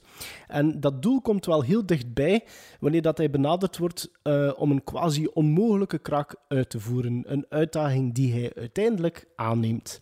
In Thief zien we naast eh, James Caan ook Willie Nelson, Tuesday Weld, Jim Belushi en Robert Prosky. Verder noemenswaardig is dat de soundtrack verzorgd werd door Tangerine Dream. En dan is het aan Sven voor te zeggen wat dat hij aan van Thief vond. Thief was ook zo een kaft die, die ik al heel mijn leven eh, voor ogen had. En ik wist niet goed waarom. Want ik, ik, kan me niet herinneren dat ik die film in de videotheek zag staan, of dat, ik- of dat ik die nooit heb gehuurd of huren heb, of een affiche in de cinema. En vanaf dat de begingeneriek begon en ik de muziek van Tangerine Dream hoorde, dacht ik van, ja, dat is het. Dat is het. Het is die LP. Die LP zit in mijn kop. Eh, en waar de muziek ook. eh allee, alles, alles wat dat onnozele Nicholas Rifting Ding Ding Ding van Drive Ding, ding, eh, gepikt in de muziek, zit in Thief. Allee, dat begint al en je weet van, ah ja, oké, ja, Drive. Ja, ja, oké, Drive, Drive. Ehm, ook de, de openingsbeelden eh, van, van een regenachtige eh, stad, eh, auto's. Je voelt Michael Mann, je voelt Miami Vice, je voelt de, de, het, het werken met het licht, de kleuren, het effect. Prachtig. En, en dan James Caan, die ik altijd al een boon voor heb gehad. Die altijd spot on is, die, die zijn characters is, meer dan dat hij ze speelt. Ehm, ik heb even, gelezen, ik wist het ook in een, in een vage herinnering, dat hem eh, rond deze periode met zijn eh, cocaïneverslaving is begonnen. En er dan zo eh, eind jaren 90 is uitgesukkeld. Ehm, nu, om deze performance was dat niet te merken dat er iets ondaan was. Wat een steengoeie acteur is dat toch, die James Caan. Ehm, dus ik was mee. Ik was mee van in het begin. Het verhaal ook, ja, oké, dat hebben we al eens gezien. En, en eh, natuurlijk misschien niet in 81, maar daarna. En wel. 95. ja, ja. En Eigenlijk niet in onderaan- 95, maar bon. ja. Eh, en dan ehm, ehm, Salamander, eh, trouwens. De, Och, de ja. eerste aflevering van Salamander. Ook, ook goed gezien door deze film. Dat- de openingsscène. Ehm, ja, dus ik was mee. Robert Prosky. Fantastisch. Fantastisch. Ja, filmdebuut, hè? Ja, filmdebuut? Ja, ja, dat is een filmdebuut. Allee, jong. Die is, ja, ja. Dat, dat is ook wel dat direct toch- een statement. Amai. Hill Street Blues was dat dan Dus die tegelijkertijd? is later, hè? Later. Ik kan nu een keer... eh, Vertel maar verder, maar... Blues, dat is toch eind van de... Dat is toch begin 90? Nee, nee, nee, dat is jaren 80 ook, hè. Noemt hij Robert? Maar vertel maar verder, ik zoek best op. Volgens mij... Robert Prosky. Ehm, fantastisch, die scène dat hem dan gerecruiteerd wordt door hem, eh on die auto, ongelooflijk. En dan komt mijn probleem met de film. Nee, dat is geen waars van, want er zijn geen problemen in die Ja, ja, langspeelfilmdebuut, ja. Daarvoor wat tv-shit, maar ja. Het probleem in de film ligt bij mij bij Tuesday Weld. Die ehm, Ja? Zijn love interest van James Caan, waar dat hij eh, een grote boon voor heeft en die hem eigenlijk, ehm, dat hem zijn nieuw leven mee wil opbouwen. En de scènes met Tuesday Weld, zeker de scène in de coffeeshop, die je dan ook denkt van oké, ja, dat is ook een scène die daarna in Heat, hè, eh, ook, eh, hem dan in uitlegt, dat is de scène van James Caan. Dat Die is, blow- dat is de ja, man- maar hij, hij, hij, hij, hij, hij overklast die op dat... op Dat dat is de favoriete, film, uit- eh, de favoriete scène uit zijn, eh, uit zijn Ja, maar filmcarrière. dat Ja, wel. ah, wel, maar dat is toch wel... Allee, er speelt hem ze van het kastje op de muur en weg. Ja. En, en elke keer als de camera terug naar haar komt, is het zoiets van nee, nee, nee, niet interessant. James Caan is interessant. Ik had daar een interessante actrice voor gecast. Debuutfilm, Ja. hè. Dus ja, misschien... eh, Ook van Tuesday Weld. Nee, maar van wel van, Ah, van eh, Michael van Mann, Michael ja, Mann. ja, ja. Nee, maar het is mij duidelijk omdat Tuesday wel geen grotere carrière heeft gehad. eh, omdat, en ook in, in, in teruggaande naar Once Upon a Time in America, waar ze ook in zit, is ze ook een beetje de zwakke schakel, vind ik. Ja. Dus En dat, dat is uw minpunt van de film. dat is mijn minpunt. eh, maar voor de rest vond ik dat de vinger, eh, voor vingeren en duimen af te likken. eh, Michael Mann, eh puur sang. Mensen wisten heel goed waar dat aan toe was en waar dat Ja. naartoe wou. En ja, gevoeld in alles dat dat een ja, onwaarschijnlijk straffe regisseur is. Hè. Ja, ja, inderdaad. Wel, ehm, het is ook een film geproduceerd, een van de eerste films door Jerry Bruckheimer. Het is een van zijn eerste films dat hij geproduceerd heeft. Allee, hij was van, de film is van 81. Ik denk dat hij in 79 zijn eerste cinemafilms beginnen produceren heeft. En ehm allee, Thief is dus een, een daarvan. Ehm, ik had de Arrow release. Die gaan we weer met Arrow. Arrow Ik video ook, release. ik Voilà, ook. Alle drie. Ah, alle En drie, dat dat is- wist ik niet. Dat is dus een schone transfer, hè. Ja, Allee, dat is een Criterion ding. En natuurlijk, als je zo'n Michael Mann Neon Light film hebt, ja, is dat toch ook altijd beter voor de best mogelijke transfer te zien, omdat dat ook een regisseur is die perfect weet wat hij met zijn kleur en zo wil doen. En, eh, en, ja, en inderdaad, ik de film was nog niet bezig en het, eh, de menu was, stond op. En het was al die Tangerine Dream soundtrack. En ik dacht, godverdomme jongen, dat, dat Ja, is heel ja, veel dat beloofd. En die film Ja. begint inderdaad en binnen de 30 seconden zit je in Michael Manland. Hè. Dat is... Ja, dat, klo- dat klopt gewoon niet. Dat is goed dat is sfeervol. Dat Michael is, Manland. ja, maar dat is, hè, dat, dat- ja, je zit erin en zegt ja, dat is de regisseur van Heat, dat dan 14 jaar later gemaakt wordt. Ja, dat is de regisseur van Collateral, dat 20 jaar later gemaakt wordt. Ja. En ja, dat, dat, is, ja, dat is een regisseur. Hè. En toen, ja, die film begint en inderdaad een goede, sterke eerste scène. En ik had in het begin ook niet goed durven, ja, waar zitten we nu? En toen na een tijdje had ik wel deur dat het in Chicago was, maar omdat ze dan ook een overval of een inbraak doen in, L.A., waar ik zo wel wat verward. En ehm, ja, like dat, like dat al gezegd het, ja, heel veel komt later terug in Heat. Hè. Ehm, de sterkste punten, de Thief, zitten allemaal in Heat. Maar zitten eigenlijk Ja. ook al in LA Takedown. Ik weet niet of dat je dat gezien hebt. Nooit gezien, maar dat is eigenlijk Heat, hè? Dat is Heat in 1987, Dat is 88 het, of echt, het 89. echte verhaal van Heat, hè?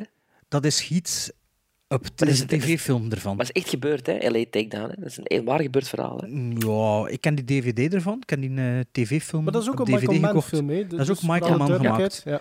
Ja, en ik heb die vorig jaar bekeken en dat is echt een schoolvoorbeeld van belang van goede acteurs, los van uw budget.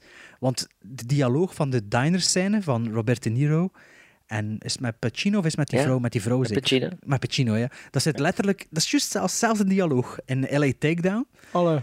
En ja, toen merkte wat dat een goede acteur kan doen voor een film. En ehm, dat is redelijk gelijk met Heat eigenlijk. Gaan zien in LA Takedown. Beginnen al, maar ja, met een kleiner budget. En ook in 4-3 gefilmd, maar op zich wel interessant om te zien. En ook natuurlijk de visuele stijl van Michael Mann zit er ook in, op tv-niveau dan. Ehm, wat vond ik nog anders van? eh ik ben grotendeels akkoord met wat dat Sven zegt. Maar ik vroeg me af, James Caan, is dat eigenlijk ooit echt een leading man geweest? Maar Ja, ja, ja. Ja? Ja, toch Jawel, wel. ja. Rollenbol? Ja, ja, ja, ja. Maar Ja, ja, en, en, en wacht, hè, in de jaren Omdat ze zei van, 70. ja, cocaïneverslaving van 20 jaar.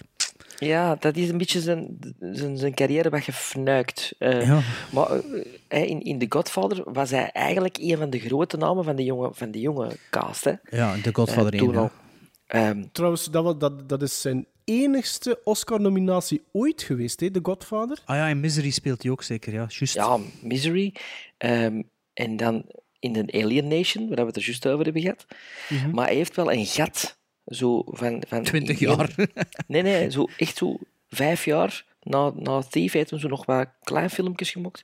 Maar dan pas terug met Gardens of Stone is hem terug zo wat eh, ehm, van Op Francis de Coppola. oppervlakte gekomen. Ja, maar Ja. als, lead, als Maar jaren man- 70, jaren 70 eh, Rollerball, Funny Lady, The Killer Elite, Godfather 2, Godfather 1, Freebie and the Bean, The Gambler, dat waren toch allemaal Ah, leading wordt hij pas dingen, in The Godfather 2 doodgeschoten, nadat het einde van de? Nee, nee, in, in een 1, maar dat zit in een 2 ook in de Maar de flashbacks. nominatie Ah, was ja, voor twee, juist. zeker. Hè? Was, was zijn nominatie, zijn Nee. Oscar-nominatie voor The Godfather 2? Eh, nee, nee, nee, nee, nee. Zijn nominatie eh, was voor eh, The Godfather 1, Best Ah, toch, Supporting Role. toch. Ja. Ja. Ah, ja, ja. Ehm, wat ik ook... ehm, maar dus, ik sluit er grotendeels, ik sluit grotendeels bij aan. Maar ja, ik ga de film in twee delen moeten zien. En het eerste deel was ik 100% aan boord. En het tweede deel geraakte er precies niet meer in. Zo. Het was zo... Misschien inderdaad door die Tuesday, Wednesday, of hoe noemen ze daar? Tuesday Wild. Ja, dat, dat dat een beetje mankeerde. Dat dat, want ik denk het moment dat ik de film moest stopzetten, omdat ik ging gaan slapen, of whatever dat ik ook moest doen, dat wel eigenlijk rond dat moment was met die adoptie en zo. En dat die dan eigenlijk, dat dat een punt was wanneer dat die zo... Ook echt- wel een goede scène, hè? Ja, wanneer, ja, ja, zeker daar. In Die die- in Ja, ja. Maar dat, die- dat is een beetje zijn- zijn kantelpunt in het verhaal. En ik moet zeggen, toen dat ik de tweede deel van de film verder keek, heb ik er nooit meer echt in geraakt. Misschien was dat mijn schuld, omdat ik de film afgezet heb, maar ik was op den duur verveelde ik me ook een beetje en zo. En Oei. behalve dat dat karakter, allee, dat een goed karakter is, vond ik het verhaalmatig dat tweede deel toen ook zomaar een beetje uitdraaien, like dat de pijs dat gaat uitdraaien. En me niet meer zo verrassen. En, Vind ik eigenlijk een beetje wel waar. Ik Allee, vind dat en- eigenlijk een klein beetje niet waar zelfs. Nee, allee, jong. Ja, maar ik ga het zo wel zeggen. En, en, ik, vind, ja. ik vind wel het, het, het sterkste, het, het eerste uur is het sterkste van Ja. de film, vind ik ja, ook. En bij mij is dat, dat extra opgevallen zijn, omdat ik hem tot afgezet heb na een uur en dat ik dan tweede uur gekeken en s'avonds of, of, of later. En dat ik dan zo, ja, dat dat dan toch precies minder was om een of andere reden. Ehm Willie Nelson, de eerste keer dat hij in beeld komt, ik dacht, is dat een homo of wat is die dan toen? Als hij zo achter dat glas zit en je smeekt Nee, dan dat- aan James Caan. vader- ja, maar, dan op ja, maar die zit zo op dat venster te wrijven en zo. en op dat ja, moment wist ik nog niet wat er aan de hand was. En toen had ik genoteerd van, is, speelt hij nu homo of wat doet hij? Willie Nelson was toen nog geen 50 jaar, hè? Dat moment zijn die... Die heeft er altijd hetzelfde uit. 65 uit, ja. Ja, Die speelt dan al een dying old guy en zo, en waarschijnlijk maar een paar jaar Maar goed ook, hè? Ja. Ja. op zich niet slecht, maar die eerste scène was, was zo van... eh, wat gebeurt hier zo? Ehm, Robert Prosky, ja, vind ik ook ehm, degelijk spelen. Niet zo threatening als, als maffia-villain. zo. Oh, ik vond dat wel. Maar op het moment dat hij het moet doen, wel. Wel, maar dat ging ik zeggen. Maar op het moment dat er dan op aankomt, is het er wel extra... Allee, dubbel zo hard zo. Maar ik vind zijn uitstraling op het algemeen... Maar soms, ja, dat, dat moet misschien ook niet altijd zo groot gespeeld zijn. Dus op zich heb ik er niet echt een probleem mee. Maar... Allee, ja. Ehm, ja, toen die, ja, de, de diner scène is natuurlijk... Ja, James Caan die heeft zijn Even- visitekaartje af, afgeeft. En Even een toont, eh, monoloogje zo van... eh, Ja. eh, zijn Oscar. Oscar-worthy. Ehm Maarten had nog niet gezegd, of eh, wie had er de intro gedaan, maar ik heb hier even ook de, de, eh, de prijzen en de nominaties genoteerd. Dus is genomineerd voor een Palme d'Or in Cannes, debuut van Michael Mann. En ook ehm, een paar eh Razzies en Bad Movies, eh, Stinker Movies Awards of zoiets. Stinker Bad Movie Awards. Alle. Ze hebben zes nominaties voor de Stinker Awards gekregen, waarvan twee verzilverd, waaronder de eh, Most Annoying Female Accent, Most Annoying Accent Female, en ze verzilverd, en ook Most Intrusive Score. Eh, Zo'n goede soundtrack. Maar ja, zo'n goede soms soundtrack. komt hij wel een klein beetje te present in de mix. Dat vond ik ook in het tweede deel. Maar ja, het is wel een goede soundtrack. Eh waar waar ze nog zo Stinker Awards gekregen. Most Annoying Accent Male, Worst Actor and Actress en Worst On-Screen Couple. En voor de Razzies, Nee. als ze... één Worst on-screen couples, dat, kan ik, dat vind ik ook. Ja, en wel- en dan hebben ze voor de Razzies ook een nominatie gekregen. één voor de slechtste score. Score. Allee, is zo, hindsight is het ding, is ze toch? Eh, allee, ik vond dan ook wel geen slechte score. Het is nu natuurlijk wel inderdaad met Drive, en het is al een paar jaar dat dat zo hip is, die synthesizer scores. Allee, het is al een beetje gepasseerd nu, maar ik vond dat inderdaad ook wel een heel... weghebben, toch, he- he- he- wel ja, het is een- Maar ik ben er altijd fan van geweest. Omdat ja, ik vind het ook een hele goede soundtrack. Maar ja, jaren 80 dat- is. in 81 wordt dat toch genomineerd als slechtste soundtrack, zo gezegd. Ja. En ook wat ik nog noteer heb, bij de, als er zo'n las-scène is, als hij zo dingen aan het maken is, zitten er heel veel schone shots en eh, zo inventieve dingen Ja, en al. En absoluut.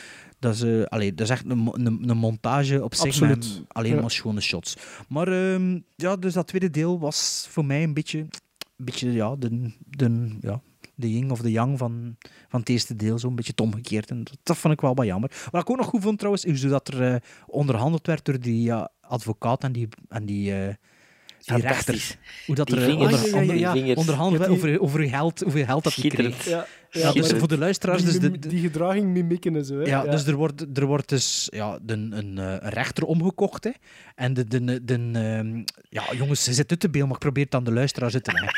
Dus de, de, eh, de advocaat zit met de, zo vier vingers op zijn voorhoofd te leunen, waar dat een, eh, waarbij dat de rechter antwoordt en er zes eh, op zijn gezicht legt. En toch had een eh, advocaat akkoord en toen had hij als kijker door van oké, eh, die heeft hij juist 6 dollar gege- gegeven of 60 dus of wat dat ook is. Dat vond ik wel eh, een, een clevere manier, zonder dat dat echt op... Allee, je moest, moest naar de film aan het zien zijn natuurlijk, voor, voor dat wel ja, ja, ja, absoluut. Maar dat vond ik wel een, een clevere vondst. En dat ik jammer vind dat ik dat ik nog niet veel gezien heb sindsdien. Zo. Want, allee, ik, vond, ik vond het ook goed gespeeld door die twee acteurs. Ja, ja zeker. Ehm, ik ga beginnen voordat ik het vergeet, want dat stond dus niet in mijn notities, maar jullie zeggen dat alle twee. Ik, vond, ik had niet echt een probleem nog met Tuesday Welt, nog met ehm, hun tweeën als zijnde een koppel. Heeft mij eigenlijk nooit niet gestoord in Thief. Ehm, meer nog, ik ben immens blij dat die in mijn eh, meest recente Arrow-bestelling zat, want voor mij was dat een soort blind buy, want ik had van Thief nog niet gehoord zelfs. Ehm, maar aangezien dat ik best een grote fan ben van James Caan en, eh, en dat Michael Mann de, de regisseur was, eh, toch maar gekocht. En ik vond die film geweldig. Ik heb daar immens van genoten. Die, die muziek, de, de score van Tangerine Dream is fantastisch. Eh, heeft een runtime van twee uur, net, net twee uur of net iets, een paar minuten meer. Maar ik vond dat tempo altijd hoog liggen. Er zijn eh, critical scenes die er tussenuit schieten. Ik, ik denk sowieso figuurlijk, maar misschien ook letterlijk tijdens die diner scene dat, dat mijn mond open viel eh, van, van het charisma en, en, en het acteertalent van James Caan. Direct erachter heb ik eh, opgezocht. Ehm, ik, heb hem direct opgezocht en ik, ik kan dat nog altijd niet, niet vatten dat die man maar één keer genomineerd geweest is voor een Oscar en nooit een Oscar gewonnen heeft dat dan, dan ook nog. Ehm, eh, maar met een runtime van twee uur, ik vind Thief het tempo altijd hoog liggen. Ik kan mij niet herinneren dat ik daar één shot overbodig vond of slecht vond. De opbouw is knap. Act 3 vond ik zelfs iets wat verrassend. Ik had, ik had persoonlijk een andere insteek verwacht. eh, na de, de, de, de, zijn, zijn laatste job had ik een andere insteek verwacht voor dat laatste half uur. Eh, dus dat was verrassend. Nee, ik, ik heb van begin tot einde van Thief genoten. Het is een film natuurlijk dat, die, die volledig gedragen wordt door James Caan. Ehm, maar, ehm, maar als je dan bijvoorbeeld een Robert Prosky dan ziet en hoe dat team bijvoorbeeld ook geïnteresseerd wordt, eh, die scène dat Sven al er juist zei, bij die twee auto's. Nee, dat, dat, en, en, en ook de hand van Michael Mann. Hè.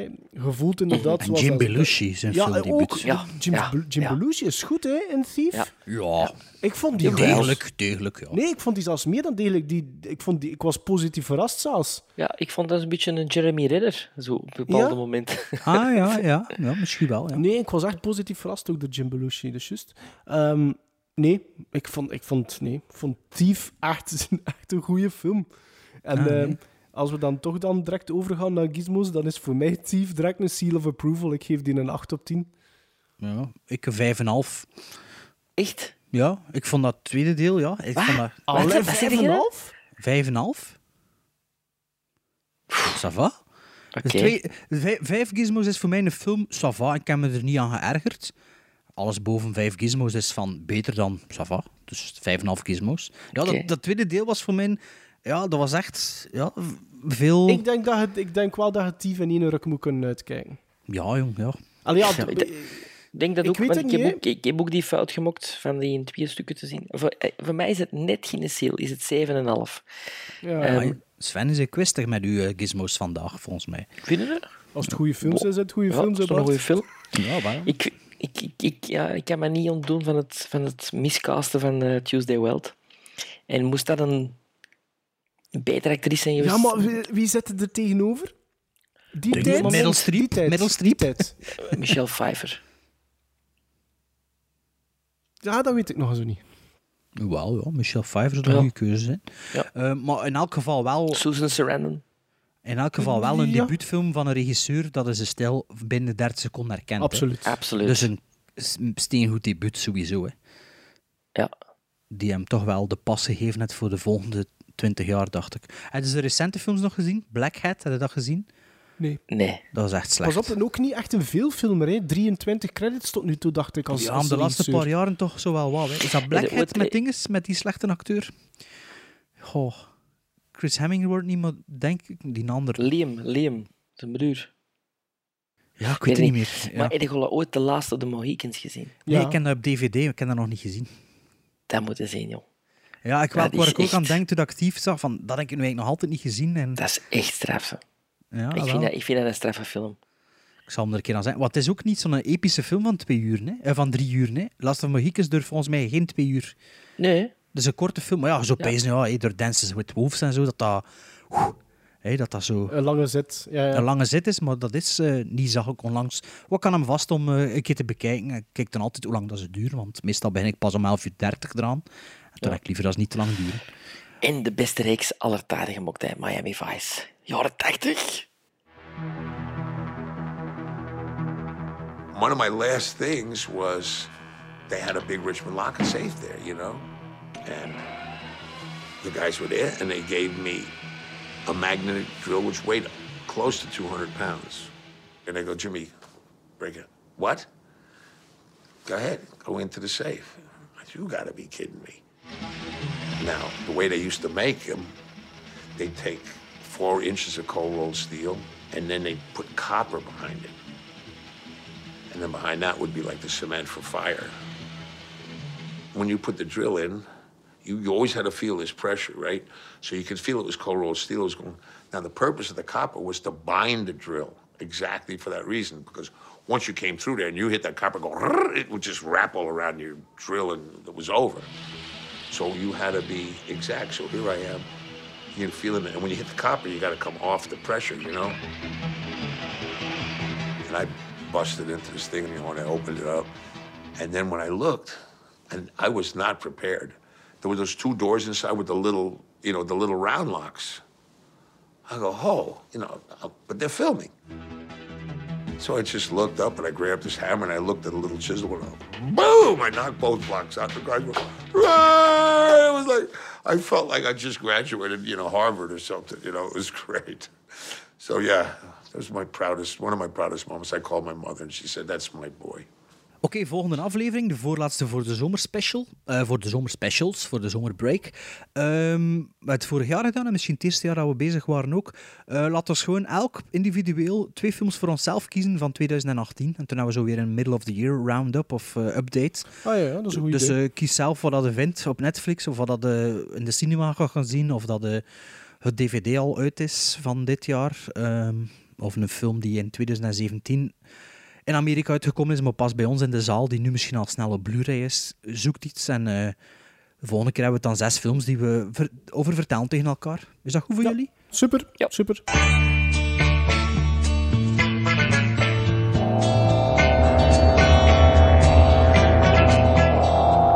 They wanted to see something different, but something different saw them first. The Hills. alive with the sound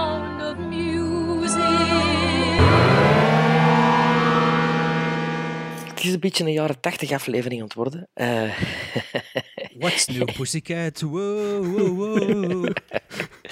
ja, en ik zit eh, terug in het jaar 1986 eh, voor mijn stukje muziek dat ik heb gekozen voor deze aflevering. Het is een filmpje dat een speciaal plaatsje in mijn hart ehm, draagt. Het is een van de, van de eerste films die ik zo helemaal alleen mee gaan kijken. Ehm, in de cinema in 86. Eh, het is een comedy, het is een action comedy. En het eh, is van Peter Hames, regisseur die... eh, De Diep. on- onder andere The Deep ook heeft gemaakt. Ehm, en het is met Billy Crystal en Gregory Hines. En ik heb het over Running Scared. Het is een film die ik, die ik onlangs eens, als hem op tv kwam, gezien heb in de WhatsApp-groep van, man, zie dat, zie dat, maar dat is echt... Ah, ja, ja, dat is juist. Ik had die opgepakt, maar het was dat de verkeerde aspect ratio. Ja, voilà. Dan, dan moet hem direct afzetten. Ja, ja, het is juist, want ik kan hem ook opnemen. En Dat was op VTM of zo, op een zaterdagavond. Hè, of op, Ja, allee, ja, een- het is ja. op één, op één, denk ik. Op één. Of op één, en het was verkeerde aspectratio, ik kan hem ook direct afgezet. Het is juist, ja. Ja. Het gaat dus over Danny en Ray, twee cops in Chicago, en ehm, die een moord eh, gaan oplossen, maar zelf bijna vermoord worden en door hun chef eh, on temporary relief worden gezet. En eh Manna pakt een beetje verlof, want eh gewoon naar Florida, een beetje Beverly Hills Cop-achtig gegeven. En ze komen in Florida aan en ze hebben het licht gezien, want ze gaan daar een eh, bar openen op Key West. En ze hebben zoiets van, deze is het leven.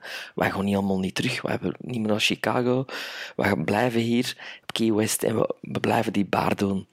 En daar worden ze natuurlijk geconfronteerd met een nieuwe zaak en kunnen ze het niet laten om zich daar toch ook in te verdiepen.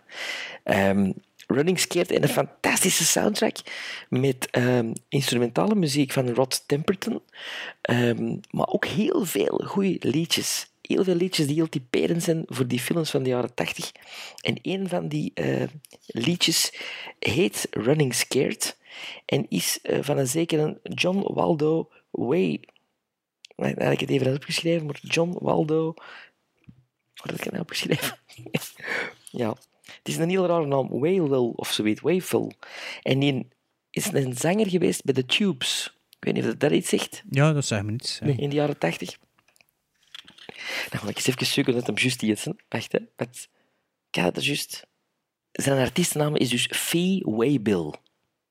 Als een artiestennaam. Fee Ja, maar dat, heet, maar dat heet John Waldo Waybill.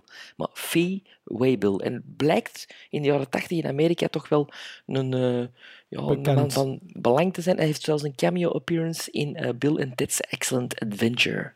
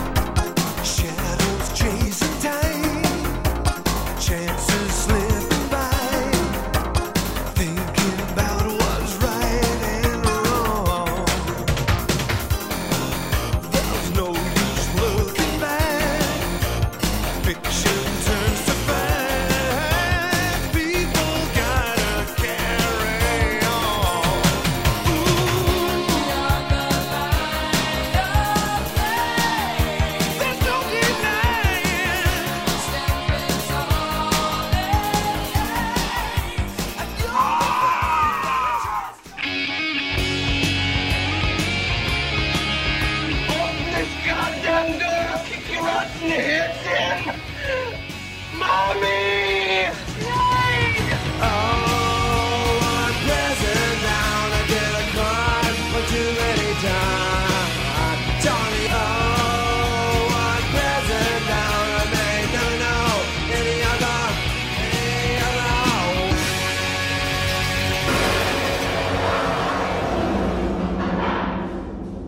Het is alweer even geleden. We zijn hier terug met Prison Bound. Ik weet nog altijd niet hoe dat de puntentelling in elkaar zit. Ehm kan een week of twee weken langer de tijd, want eigenlijk gingen we dat de vorige aflevering doen, maar door Sven zijn technische problemen hebben we dat niet kunnen doen. Hè? Hè? Ja, dat is Hè, echt dus, erg, maar het voordeel was dat voor dit segment had ik dan persoonlijk geen voorbereiding, dus ik had alle geen. was plezant. Ehm Prison uit, Bound. ja. ehm, ja, eigenlijk is de naam Prison Bound eigenlijk ook niet zo goed, want de films zitten eigenlijk al in de gevangenis. Dus het is niet Prison Bound, maar Prison Sitting of zoiets. Maar ja, dat klinkt natuurlijk vrij raar. Ehm, of Imprisonment was misschien ook een beter segmenttitel geweest. Maar dus wat doen we? Eh, we stellen elke film voor die eigenlijk ehm, door het publiek en of de critici en of de box office ja, een beetje ehm, ja, vergeten, verbannen, ver... Verguist. Verguist is, ja. Dat Verhuisd? is een mooi woord, hè? Verhuisd? Verguist. Nou, nee, ge, verguist. Met een geen op boven of een geen op beneden. Verga- naar beneden. Ehm, dus ja, eh, we kiezen elke film en ehm, afhankelijk van wat we er met drie van vinden, dan zien we wel hoeveel eh, macht de luisteraars nog krijgen. Maar het komt er eigenlijk op neer dat de luisteraars het eind beslissing mogen nemen of dat de film eruit gaat. Volg dus daarvoor op Instagram, want meestal eh, gooien we het als een poll op Instagram stories. Hè. Dat is het makkelijkst. Anders Ja. is al tellen en doen. Hè. En we dus gewoon de drie films zullen dan wel in de loop van de week op onze Instagram stories verschijnen. Dan kun je zeggen uit de gevangen of in de gevangen. Eh Maarten, heb je geen film voorbereid voor deze Ja, aflevering? ik heb dat zeker gedaan. Ik had hem ook al vorige aflevering voorbereid, maar er was dan een probleem. Ehm, ik heb nu toe eigenlijk geluk gehad met mijn keuzes in dit segment, aangezien dat die altijd dan door de, ja, door de luisteraar... Hoe gemeente? Ja, door de luisteraar, want ik denk dat jullie ze nooit alle twee al hadden gezien. Eh, door de goede gemeente dus uit het gevangen gehaald werden. Maar ik heb zo'n voorgevoel dat dat bij de deze misschien wel anders zou kunnen uitdraaien. Eh, ik heb ge- gekozen voor een film uit 1996. En het is de tweede film met een franchise van op dit moment vier films. Ehm, de film werd geregisseerd door Tim Pope. En die is eigenlijk enkel gekend als music video director voor onder andere Iggy Pop en eh, The Cure. Maar hij was wel ook de scenarist van Don't Look in the Basement, wat volgens mij zelfs een video nasty was, gemaakt in 73. Ehm, de film werd geschreven door eh, David S. eh, Goyer, en die heeft wat meer op zijn palmarès staan, als eh, scenarist, waaronder Dark City, waar we het in de podcast ook al eens over hebben gehad, maar ook de Blade-trilogie, Nolan's Batman-trilogy en nog een pak bekende films. Er wordt al jaren gespeculeerd over een remake of een reboot. En eh, aangezien dat er nu eigenlijk een regisseur, met name Corin Hardy, vooraan aan verbonden is en een eh, hoofdrolspeler, Jason Momoa, lijkt hij er in 2019 dan ook eindelijk aan te komen. Ik heb als Prison Bound film gekozen voor The Crow City of Angels, die werkelijk neergesabeld geweest is en eigenlijk nog steeds negatief aangekeken wordt. Ehm, ik, ga, ik ga wel toegeven... Is dat een tweede of een derde in dat de is de tweede. Dat is de tweede. Tweede. Ik geef toe, ik ben natuurlijk wel een beetje bevooroordeeld. Ik had er al even over in mijn eerste summer special, maar ik heb al een zwak voor die franchise. Ik heb de graphic novel al meerdere keren gele- gelezen. Ook enkele comics. Ik heb alle films. Eh, ik heb de tv-reeks, waar dat zelfs veel mensen die weten dat dat zelfs bestaat, een tv-reeks van The Crow. Ehm, nu, The Crow City of, Angel, eh, City of Angels, na de eerste film uit 94, ja, was het wel moeilijk om daar eigenlijk nog een vervolg aan te blikken. En het is een soort van vervolg, aangezien dat het personage van Sarah, het kleine meisje uit film 1, eh, nu volwassen eh, geworden is in film 2. Dus er is wel een rechtstreekse link naar film 1. Ehm, in City of Angels wordt die trouwens vertolkt door Mia Kirshner. Ehm, wat dat geen slechte actrice is. En ook in City of Angels is die niet slecht. Maar de film werd afgekraakt. Ehm wegens onder andere de eigenzinnige look. Gans die film baat in een soort van gele tint. Eh, de theatrale acteerprestaties van onder andere, en dan nu som ik de zaken op die critici en publiek en zo eh, allemaal hebben aangehaald. Dus theatrale acteerprestaties van onder andere het hoofdpersonage Vincent Perez. Ehm, van Iggy Pop, Iggy Pop, want Iggy Pop is hier een villain, een henchman eigenlijk, vanuit de, de bende van eh, Judah Earl. Dat is de main villain en die wordt vertolkt door eh, Richard Brooks.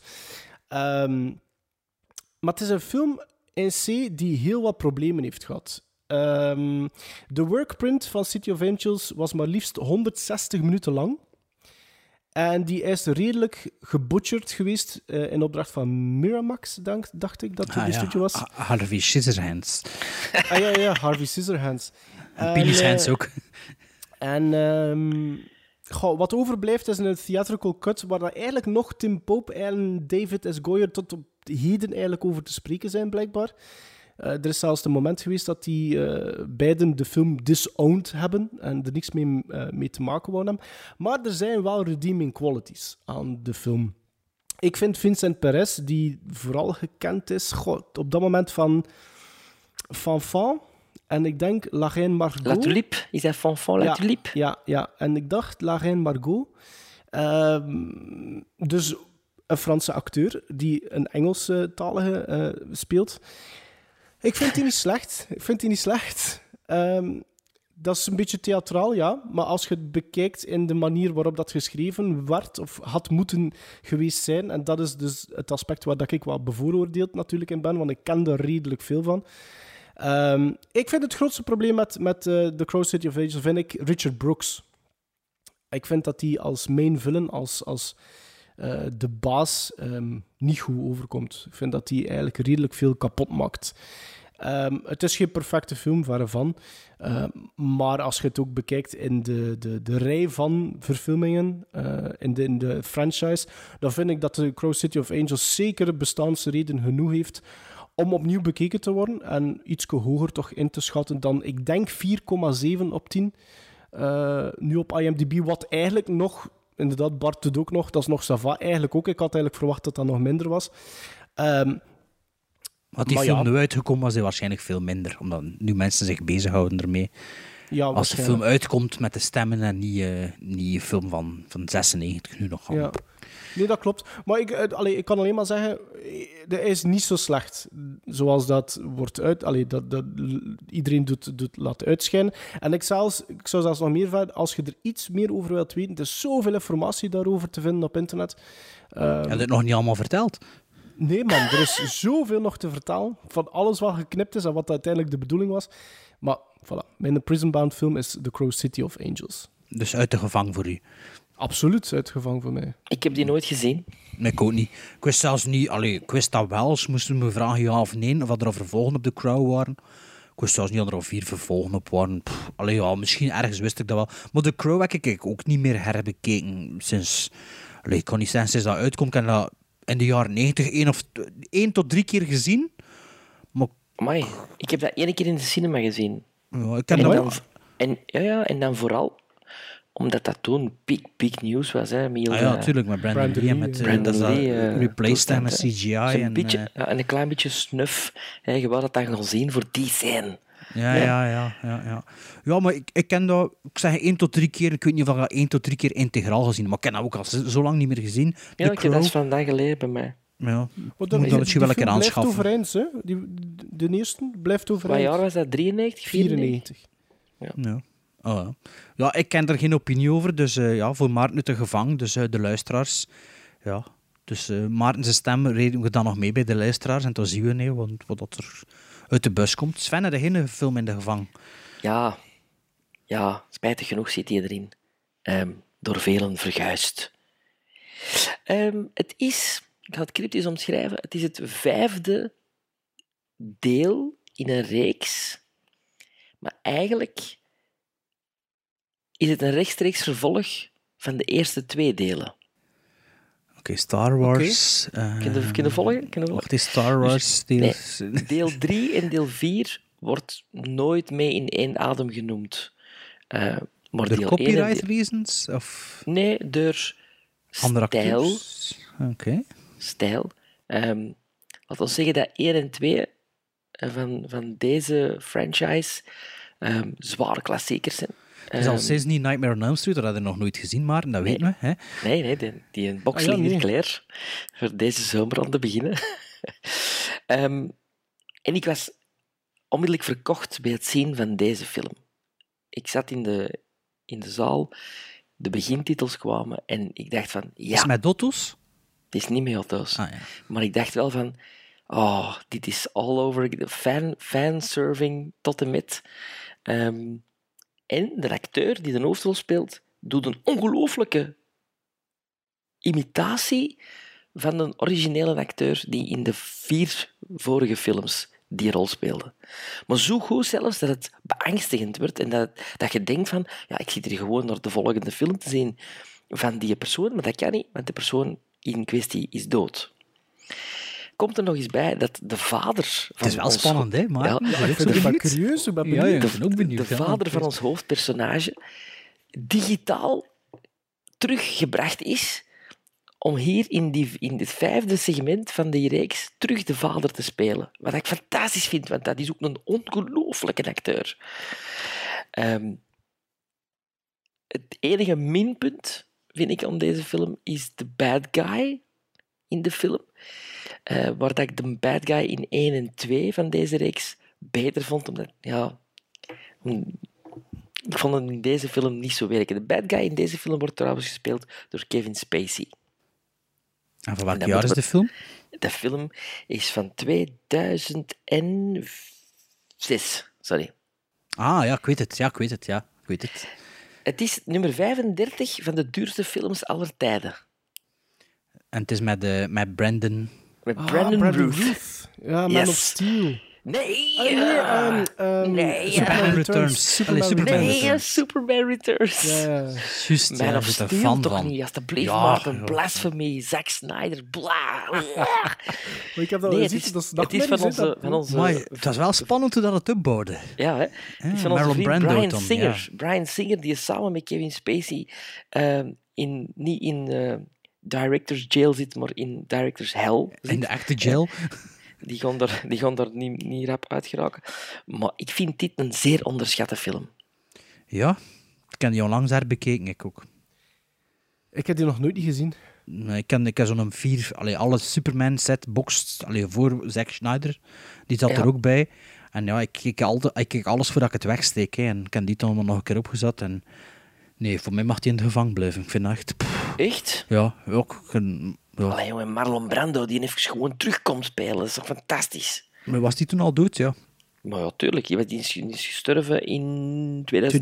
2002? Ja, vier. Ja, Ah, ja nee, eh, nee, ik maar vind wat zijn dan de, de, de, de, de, de biggest selling points voor u? Aan, aan... Ik vond het verhaal vooral van Sven de Opbouw, dat is de review welke film dat was. Dat Ja, was man, voor mij ik- de, eh, de- ik- ik- dat is ik het beste dat die film ooit on- teweeggebracht Ik, heeft. ik ging zeggen, ongeacht wat dat is, uit gevangen. D- Direct uit gevangen. Ja, maar ik ben grote fan van, van Christopher Reeve, zijn, zijn vertolking van Superman. En ik vind het een ode aan, aan Christopher Reeve, die, heel die film. Eh, Maar ik ga het anders zeggen, Sven. Weet jij waarom? Want, want die, die film is inderdaad heel slecht onthaald geweest. Hè? ja, Dus, en, we- en, en weet jij waarom? Allee, wel, en, pas op, hè, op Rotten Tomatoes krijgt hem 76% Dat is niet zo slecht, hè? Van de critics is dat dan. Ja. In de Metacritics 72 op 100.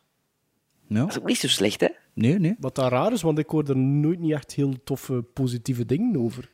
Maar Nee. het is misschien ook nu het geval van, het nu over Man of Steel bezig of over die een ander en zo? Het is zo... Allee, ja. Hey, Man zelfs de kost, al. kost 10 miljoen meer dan deze.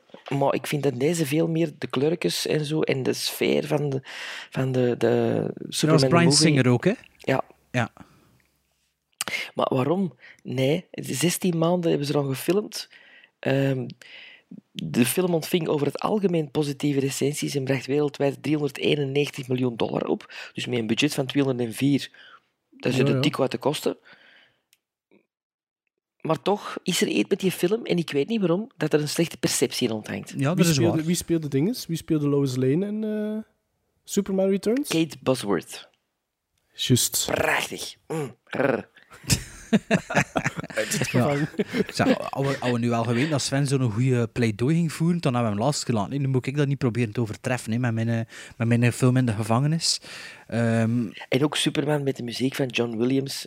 Mannetjes, dat is... Maar, allee. maar is, dat nu, is, is dat weer opnieuw hetzelfde, dezelfde origin story? Of, of borduurt dat echt voort op hetgeen dat al gezet borduurt is? voor Maar dat is wel film Luthor, 2. hè? Lex Luthor, ja. Dus Ja. het- het- we gaan verder na, na film 2. En Superman is vijf jaar weg geweest.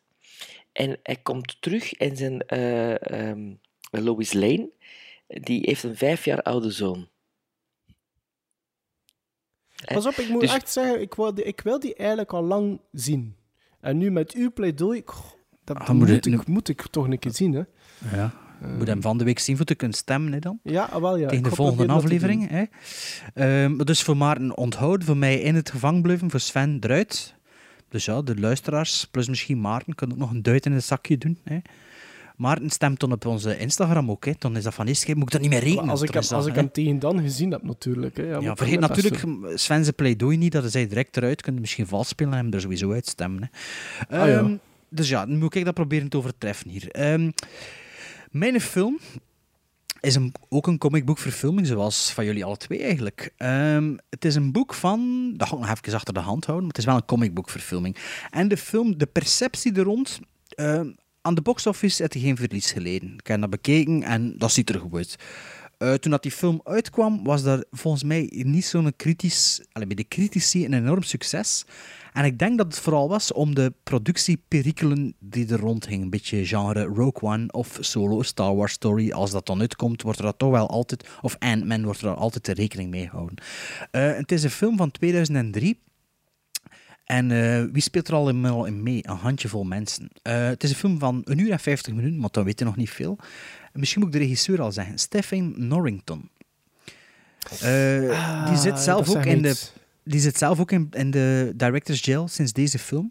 En wie speelt erin mee? Nasseridou Saha speelt erin mee. Eh Peta Wilson, Tony Curran, Stuart Townsend, Shane West, Jason Fleming. En het was de laatste film en de film te veel van Sean Connery. A Het is League een- of Extraordinary Ja. Gentlemen. Inderdaad, een boek van Alan Moore, van Watchmen, eh, die verfilmd is. Eh, een soort, ehm, ja, moet ik zeggen, een, ehm, ja, een... CGI een soort steam- fest. st- Ja, nee, een soort steam, een steampunk eh ding is over een soort alternatief verleden met... ehm, wat bij dan, ja, wie, wat kent hij niet, niet wat, ik kan het wel voorbereid, maar ik kan het niet herlezen, dus moet ik Ja, er even rap lezen. personages, hè. Van ja, Captain Nemo zit erin, Tom Sawyer zit erin, er, er zit eh, de Invisible Man, Dr. Jekyll, Mr. Hyde zit erin, die allemaal samen moeten werken als een league van extraordinaire mannen, of eh gentlemans eigenlijk, gentlemen.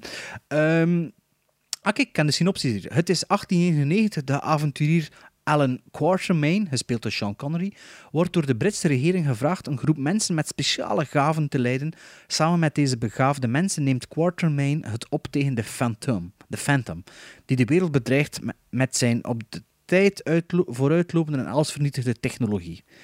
Die En, Alan eh, Quatermain, dat is ook de man van de King Solomon's Mines. Hè. Maar ja, dat zijn allemaal personages uit de klassieke literatuur waar er geen rechten op zijn.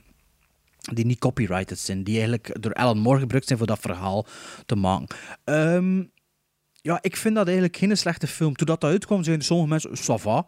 En ik heb dat toen niet gezien. Maar ik heb wel later voor mijn vriendin ehm, haar eindwerk, zijn we naar eh, Londen gegaan destijds. En we hebben er, heb dat misschien al een keer verteld, Hert Stevens geïnterviewd. En Hert Stevens is een conceptdesigner van, ehm, ja, van veel Brits-Amerikaanse co-producties, misschien ook Amerikaanse films ondertussen. En The League of Extraordinary Gentlemen had hij ook de, ik denk, de duikboot ontworpen. Dat ze mee eh, reizen. Dus hij had dat ontworpen en dus voor dat, in dat interview spreekt hij daarover. En toen die, f- dat interview gedaan was, en zo dacht ik van ja, die film heb ik nog altijd niet gezien. En toen Ja, heb ik die film, film bekeken en dacht ik van, eigenlijk is dat zo slecht niet. Dat is een beetje ja, Wild Wild West met momenten met die technologie in het verleden zo. Maar ik vind dat wel beter. En dat is geen Een beetje perfecte Wild film. Een beetje Young Sherlock Holmes ook zo, hè? Maar ja, Young Sherlock Holmes had die een steampunk-technologie. zo. Misschien een beetje Sky Captain and Tomorrow. Ja. Ja, The Day of- Zo The die, Day die sfeer. Maar ja, dat is een beetje steampunk. En steampunk kan zo rap zo... Ugh, zijn. Voor mij toch. En, En bij rap, dit hier... rap Tank Girl worden. Ja, maar dat is ook niet echt steam. Nou, ja, misschien wel, wel een beetje, een beetje. Ja. Maar, wel. maar ik vind The League of Extraordinary Gentlemen, dat is zeker onderhoudend. En ik moet zeggen, ik kan wel een jaar of twee zin om hem wel nog een keer te bekijken. Ik Ja, hem ik moet dat terugzien, want ik heb dat destijds niet in de cinema gezien, maar op eh, DVD eh gaan huren zelfs nog. Ja. Ik heb dat afgezet. Ja. Ah, wel, dat is een beetje het probleem dat ik ook met de League of Extraordinary eh, Gentlemen heb. Ik vond, ehm, ik heb die ene keer dat ik weet volledig gezien. De, toen vond ik die maar, boah, gewoon. M- Maar ik vond dat dan vooral leuk dat een van die benden is Mina, Mina Parker. Ehm, en dat vond ik dat wel leuk gedaan. En dat weten ook inderdaad dat dat in een alternatieve, ehm, een alternatieve wereld zit. Ehm, en dan heb ik die jaren later nog een keer proberen te bekijken, maar ik heb die toen ook afgezet. En dat was niet omdat ik iets anders te doen had. Dus Ja, ja, ja. ik weet het niet. Het is voor mij moeilijk voor daar ook een, een, een, een verdict over te vallen. Ik, zou die, ik heb die. Ik heb die zelfs eigenlijk, zou- eigenlijk zou dat hem in het gevangen laten, hè, als je hem twee keer afzet, niet? Maar de- ik heb hem ene keer, heb ik vo- eh, de eerste keer heb ik hem volledig Ah, ja. gezien. En toen had ik Ja. gewoon zoiets van, goh ja, boah, dat is geen goede film, verre van, maar... En waarom zeg je zelf één film te veel voor Sean Connery? Wel, dat is de, de- dan is die, die heeft zodanig veel ruzie gehad met die regisseur. Dus Als je dat opzoekt, als, ik ah, ik heb het nog niet allemaal verteld, hè, als je dat opzoekt. Dus in, eh, ken ik er in Empire zo'n heel artikel van 10 pagina's gelezen over die, eh, over die productie, productie van die film en zo. Maar het schijnt dat hij niet regisseren viel, hè, Sean Connery. Hè? Ah, wel, Verschillende ja, films. Hè? de- ik geloof dat. eh, het is nu al even geleden dat ik de research voor dat ik gedaan heb, dat de regisseur, ja, dat hij dus niet te regisseren viel en dat ze op een gegeven moment moesten langs de kade wandelen, eh, waarschijnlijk omdat een boot er stond. En toen, eh, na één take, zei de regisseur, ja, nog een keer. En toen eh, zei Sean Connery van, nee, nee, hij het nu nog niet zo. En toen riep de regisseur terug naar hem, voor 50 miljoen dollar kun je wel nog een keer wandelen, hè, voor mij. En ja, vanaf dat moment was het ook op de set. Ja, ja. Wa- was het al gepasseerd of zo. Maar ja, ik, zo- ik weet niet of dat de, dat de visies niet strookten, maar ik denk ook, eh, misschien is, allee, dat is gewoon eh, mijn eh, geheugen. Hè. Is dat ook niet de film dat Sean Connery toegezegd had nadat hij de Matrix geweigerd had en zo'n ander semi-sci-fi mega-succes? Ik had zelfs nooit niet geweten dat Sean Connery... Wat was Dat de rol ook van niet. Morpheus dan geweigerd had? Ja, maar, ja, dat weet ik niet meer juist. Maar je hebt dus twee van die, van die Ah, films jij hebt wel geweigerd. twee van die stinkers naar elkaar gemaakt. Dat is die, die eh, Avengers. De, Britse Fiennes. serie, de Britse serie Ja. remake dan, ja? Ja, dat was ook zo'n... Oh, Ja. een, hele, een hele slechte. En, en nog zo'n stinkers, hè, dat hem zo... Ah ja, met Uma Thurman ook. Dat is eh, Avengers, hè? Ja. Met Uma Dat is Thurman, Avengers, ja. maar de Dat, Finding die Avengers had ook voor lang gezorgd dat ik totaal verward waren over die Avengers. Wat dan dat waren. Ik zo, dat is toch zo'n die Britse reeks. En, maar eh, ja, met die Bollywood en die John die dingen, Steed. Ja. Ja. Ehm, wel, de Avengers noemden in, Ame- in Engeland ook de Avengers Assemble, de eerste film. De eerste Avenger-films. Ah, oké. Ja, Voor kijk, die verwarring. Ja, ja, ja. Maar dus de League of Gentlemen voor mij uitgevangen. Ja, moet ik misschien nog eens terugzien. En wel, ja, Ik ook. Ziet, ziet of dat de hoesting en tijd heeft en ja, of dat er blijft plakken of niet. Hè. Ja.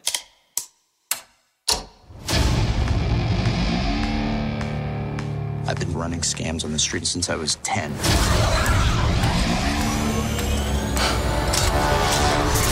I was kicked out of the flight academy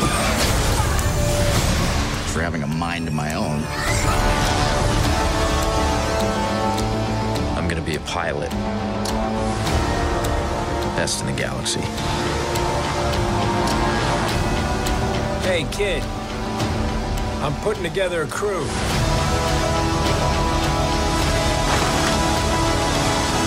You in? That's yes.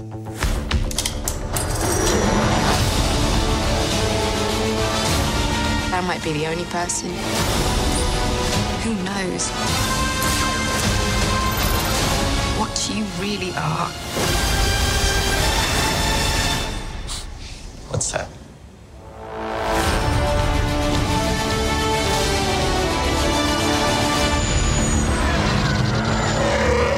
Get ready. Thought we were in trouble there for a second, but it's fine. We're fine.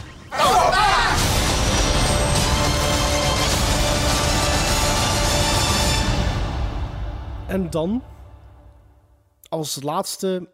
Goh, het is niet echt een segment, maar er is nog een film.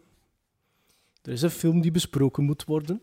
Tuurlijk. Er is een film die Sven in de cinema gezien heeft, die Bart in de cinema gezien heeft. Ik heb hem niet gezien, dus ik zal een beetje op de achtergrond blijven.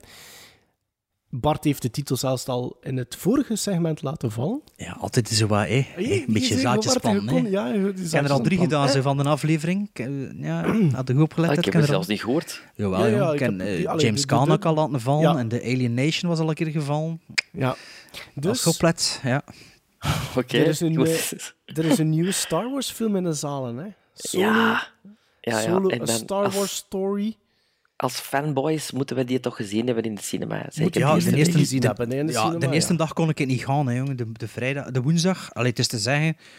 eh Ik ben pas niet in de voormiddag en de namiddag, ja, ga ik niet naar de cinema gaan, ze, met die kinderen allemaal. Allee, met mijn eigen kinderen ook. Maar eh, ja, is het de zaterdag geweest? Ik ben de donderdagmiddag geweest, zeker, hè? donderdagnamiddag, dacht ik. Ehm, ja, solo een Star Wars story. Lag het dan het weer? Maar bij mij... Bijna een lege zaal. En Wanneer is er geweest? Zaterdag. Zaterdag? ik ben donder, donderdag namiddag geweest, man of 25 zeker. Ja, ik ken iemand die de, de, de, maandag, de vrijdagnamiddag geweest is. Er zat 10 man in de zaal. Dus ik weet Oei. hoe dat hij het van het weekend in de States gedaan heeft. Ja, wel minder goed dan dat ik dacht ook eigenlijk, ze, aan de Fantasy Movie League. Ja, maar het is, het is een Memorial Day weekend en zo, dus het is een beetje... Ja, Maar het duurt wel langer. Met de ja. Amerikaan dat ik regelmatig... In, ja, Amerikanen ken ik natuurlijk. Dat ik er regelmatig mee in touch, in touch ben. Niemand zit er echt op te wachten of niemand is Nee, er ik vind het een excited beetje voor, maar het gaat veranderen. met, met eh, Rogue One had ik dat ook, in een bijna lege zaal. En terwijl met The Last Jedi moest ik... eh, allee, moesten we echt zo van voor nog twee, op die eerste rij nog twee plukjes pakken. Rogue One, de- die, die zaal zat eh, stampend vol. Hè, het is een openingsnight geweest. Ja. Ah, bij mij eerste dag Rogue One ben ik op de eerste dag gaan zien en ik denk dat we met, met, met zeven in de zaal zaten. Ja. Dat was wel om tien uur 's morgens. Ja. Wij zijn s'avonds, dus toen zat het vol. Maar bij mij inderdaad niet zoveel volk. En like dat ik zo algem- de algemene bus... Maar het gaat veranderen. Ik sinds zeker volgend weekend draait die film. Alleen marcheert dat. Maar niemand had zoiets van... Ga ja, en met al die... Komt ja. waar rap ook op The Last Jedi, hè? Misschien wel, hè. Misschien wel. Er, ik, is een- er zit wat vermoeidheid in. Nee, bij mij Maar- niet. Bij- Ik zat er niet op te wachten op The Last Jedi. eh, op ehm, Solo. Solo? Maar aan de andere kant, ik, de, de dagen ervoor... Allee, ik wou dat de eerste dag wel gaan zien. Dat ging toch niet? Toen dacht ik, goh ja, waarom zou ik eigenlijk niet die film willen zien? Als ik, ik de, de, de, de link aan maken met Marvel-films. Ik ken niets, men al meermaals ik ken niets met Marvel, maar ik ga wel altijd die films gaan zien. En over het algemeen zijn dat altijd wel degelijke films. Terwijl ik aan het pijzen, goh ja, waarom zou dat bij Solo eigenlijk anders zijn? Waarom zou dat dan niet kunnen dat dat sava is? Want uiteindelijk, The Last Jedi, hoe negatief dat we er ook over deden, ik ben er wel van genoten. Hè. We waren gefrustreerd, maar... Ja. We waren gefrustreerd, maar we genieten er wel van. Ja, dus daar dacht was ik, ik ook... het minst positief over wel, maar ja. ja. Maar toen dacht ik ook van... Eigenlijk, zou- dat zou wel oké zijn, ze, die film. Dat gaat misschien niet de beste film ooit zijn, maar ik denk, voordat ik naar de zaal ging, hè, dacht ik van, dat zou wel oké zijn. En ja, ik weet niet, Sven, moet je misschien eerst zeggen... Goh, waar gaan we beginnen? Eh, Ja, eh, we gaan gaan we, gaan we niet te lang trekken natuurlijk. niet? Gaan nee, we we gaan niet spoilen? maar... We gaan niet spoilen. Nee, Maarten had hem nog niet gezien en... Moest de Maarten hem Oké. al gezien hebben, zou we een, een, een spoiler eh, warning kunnen geven, maar... Oké. Ja, ik mag wel zeggen in het begin dat ik... Maar we gaan wel een beetje over de film ja, babbelen. hè. ik was ja. zeer, zeer aangenaam verrast dat er een soort van scroll is. Waar dat niet bij... Dat is voor u eh, heel belangrijk, hè, Sven? dat- er- ja, ja, een scroll was ja, niet, hè? Het was iets dat op de Het was een scroll... pancart. Het was een pancart. Het waren pancardes. Pancardes. Hè? Dat hadden niet bij, bij Rogue, Rogue One, hè? Nee, nee, nee. nee. Ah, nee Niks. ik heb die, Dat ik heb die eergisteren opnieuw bekeken en Daar is er geen alleen, scroll in. Alleen eh, de Galaxy Far, Far, Away. En, En, dan titel. nu, nu komt er eh, Een een verhaaltje. Ja, een verhaaltje. Een, een uitleg, hè. Geen scroll, maar wel een uitleg. Oh, ja, Een dat is geen spoiler, hè, ja. Ik vind dat plezant. Ik vind Ja, dat ja, plezant ja. van... Ja. Het, is een, ja, het, is, het is niet in, het, eh, in, het, in de, de, zes andere, de negen andere films, maar het is een stijl. En goh, waar moet ik beginnen?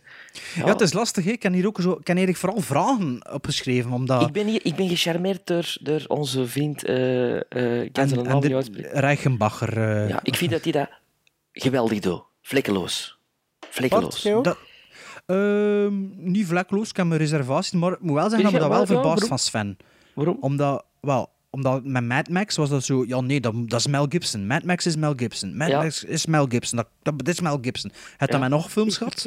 Nu, nu hoor ik u dat juist over Superman Returns, over Brandon Fraser. Niet. Fraser, maar die andere. En daar zitten wel... En, Ja. en- En nu ook. En waarom? ja, zeg maar. Omdat Brandon Root is gewoon een kopie van Christopher Reeve. Hè?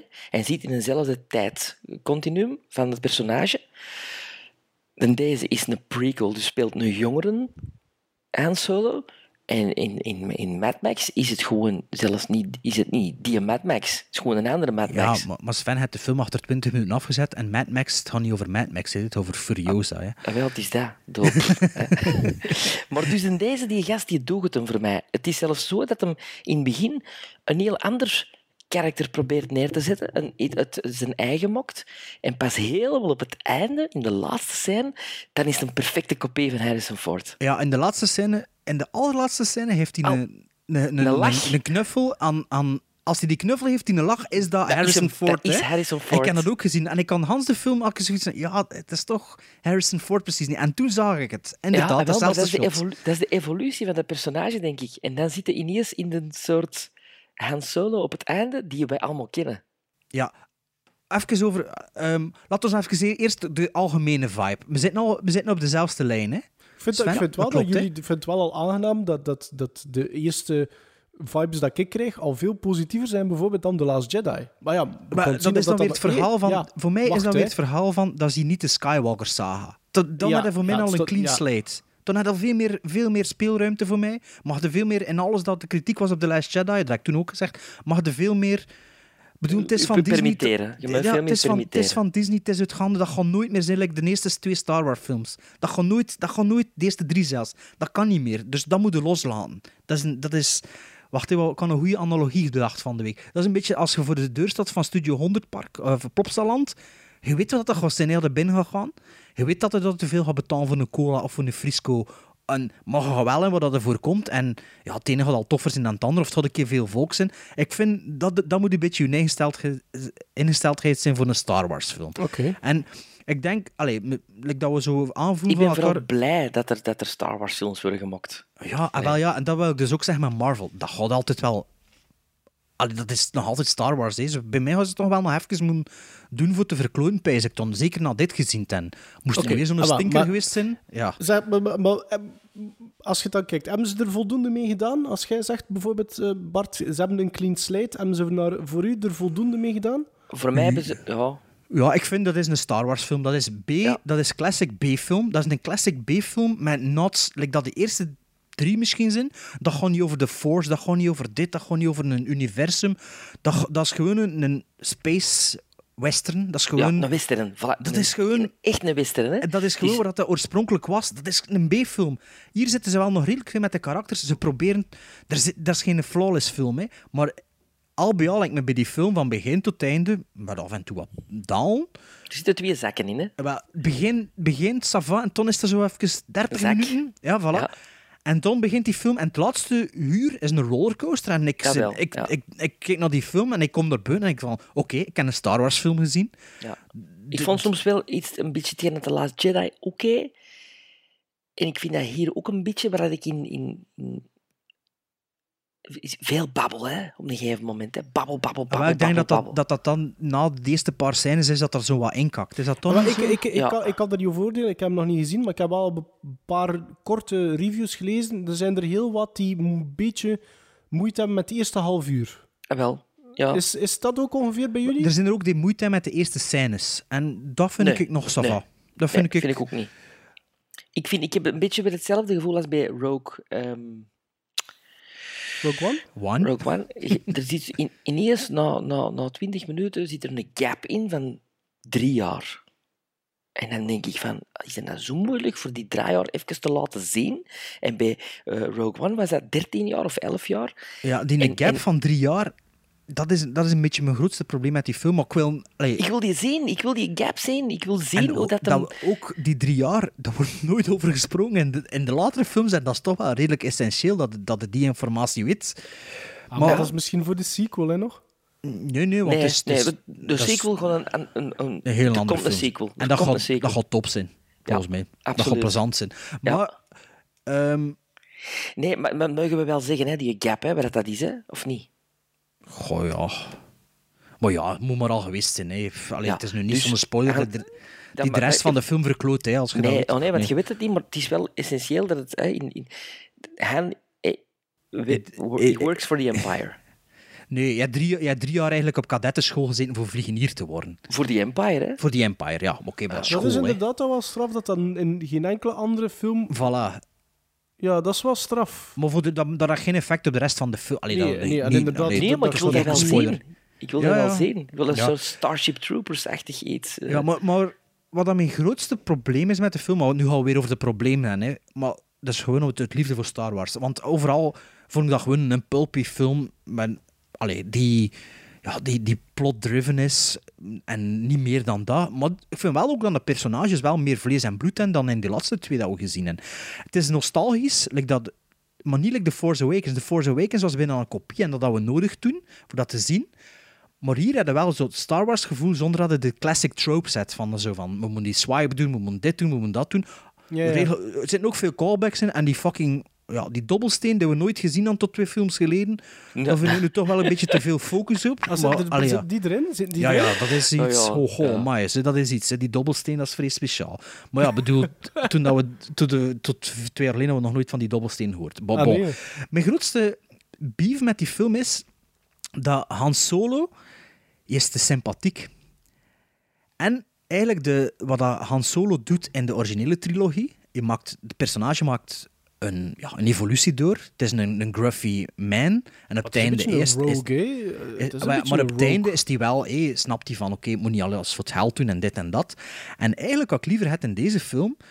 Oké, hij is jonger, maar hij is wel een good guy. Eh, Als hij aan zich is een good Ja, guy. maar hij wordt wel... Ja, maar... Ja, maar die, die evolutie... paar- Ik kan liever een anti-hero het genre Snake Plissken, vanaf begin.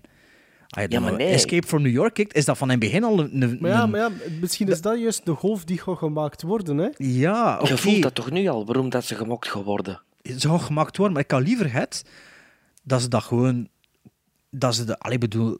Dat dat al van nature een veel sarcastischer, een cynischere mens was. Uit zijn natuur. Ja, en maar eigenlijk dan in het kun je begin toch van nooit het niet verhaal... bevriend geraken met Chewbacca als je van in het begin zo bent. Dat is niet waar, hè. Dat is dan ook een... een dat is misschien een beetje een, een spoiler. Dat Wat zijn, niet echt. dat, zijn dat ze elkaar ontmoeten. Dat Maar ze ontmoeten elkaar, maar is, eigenlijk... is, vind ik geniaal. Ja, maar eigenlijk zou ze dat veel beter kunnen verklaren door, te, door Chewbacca als een soort hond te, te benaderen en zijn loyaliteit aan Han Solo op die manier te verklaren.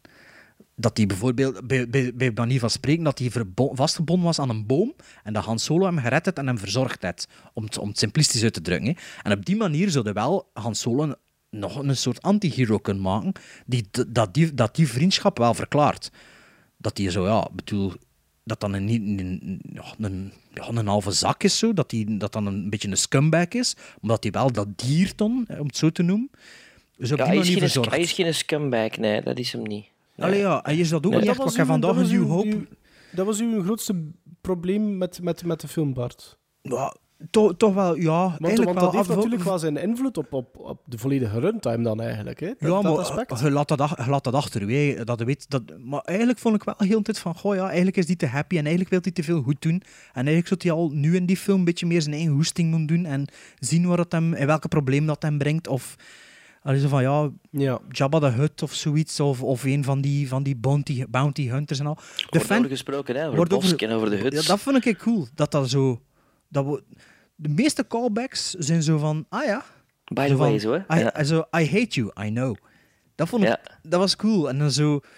Maar toen dan weet je waarom dat Chewbacca Chewie benoemd wordt, of waarom dat... Dat vind ik dan zo, ah ja man. Of waarom dat Solo, Han Solo, Han Solo Dat is heet. toch goed? Dat is toch goed? Ja, dat is toch cheesy. Dat is toch goed? Maar Vind dat, dat goed? dat, dat, Allee, dat kan wel, dat hoort er misschien ook wel bij. Ja, maar ik vind wel dat... Ja, maar als je dan al die saga's al had... Maar ik vind wel over het algemeen de humor werkt beter dan in de, dan in de The Last Jedi. Het is allemaal... Het is vrij... Het is wel ik vind vlak, de Het is- de is heel goed. Paul Bettany. Ja, maar toen was normaal Omar van de, de, de, de Wire, hè? De zwarte. Ja. maar Ik zijn vind die, nu- die kost niet... In de reshoots was die niet meer vrij, hè? Ik vind dat Paul acteur, Bettany Paul, Paul Bettany. Een ongelooflijke Christopher Walken-imitatie doet. Door te dansen zo. Nee, dat is een spraak. Het is, Ja, ja, het is ja. echt zo... Echt, dat is een goede ja. acteur, hè? Paul Bettany. Ik vind dat echt Ja, geen dat slechte ook. acteur. En Ik, wist niet- ik wist wel niet dat dat de, favoriet van Ron was. Howard, ja. favoriet van Ron Howard, hè. Ja, ja, tuurlijk. Dus, En ja, de openingsscène is echt vintage eh, eh, eh, American Graffiti, hè. Ja, ik heb dat niet gezien, American Graffiti. Ja, dat is echt... Die de car chase, dat is echt, zo, dat is echt American Graffiti, waar dat dan Harrison Ford en Ron Howard samen in spelen. Ah, ja, ja, oké. Ik dacht dat het de, de Van scène Lucas, met de, eh. met de sla- slangvrouw dingen eh, wou zijn. Proxima Nee, nee, eh, nee, dingen. dat is zo wat alien, hè. Ja, ja, ja. Maar, Oké, maar zeg maar Sven, als, als Bart zegt dat zijn grootste beef dan de, de invulling, allee, de, de, Maar- de niet chagrijnige... Mag ik nog ik wou juist iets begonnen zeggen? Dat over het algemeen, dus me- dat is mijn grootste beef. En ook dat de film wel safe is. Hè. Het, is het is vlak, het is zo... Ron Howard is een degelijke regisseur, maar je voelt toch wel dat je zo... Niet zo dat extra... Alleen moet ik zeggen...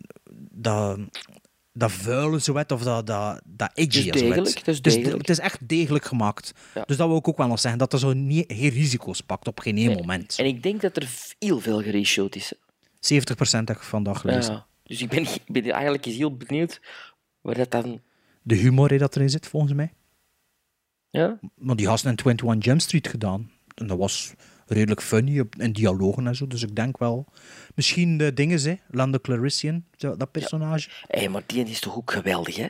Die vind ik, dat vind ik wel... Ja, zijn, zijn swag, zijn swagger is er zo op het randje soms met moment bij mij. Ja, maar het zijn stem. Zijn gewoon Todo, die Ja, ja. spelen die Williams, hè? Ja, maar je, is speelt, echt- je speelt wel fenomenaal. Maar dat is, Ja. dat, ik ben wel fan van Donald Glover. eh. Ja, ik vond eh, dat Felicity Jones in eh, Rogue One en heel hard trok op eh deze madame. Van- Soms dat, had is- dat ik... is zij van Games Emily, of, Games of Emily, Thrones, hè? Emily Ja. noemt ze weer, ja. Clark, Emilia vond dat- Clark? Ja, Emilia Clarke. Ik vind dat die, dat die personages zo wat ja, op elkaar trekken op een of andere manier. Eh, er zit ook zo wat een beetje Leia in. Maar wacht eens van, dus, dus, dus, dus Bart zegt van dat hij wat zijn grootste beef, de, de- invulling van het karakter van Han Solo, dat hij zo die, die chagrijnige niet is dat we leren kennen in bijvoorbeeld de New Hope. Ehm, eh, wat vind hij dan, allee, als er al zijn, ik weet het niet, maar wat zijn voor u de, de minpunten van, van Solo? De grading. Ah, Ja. de grading, ja? Ik was absoluut niet Is content het van het... gedesaturiseerd of wat? Oh, verschrikkelijk.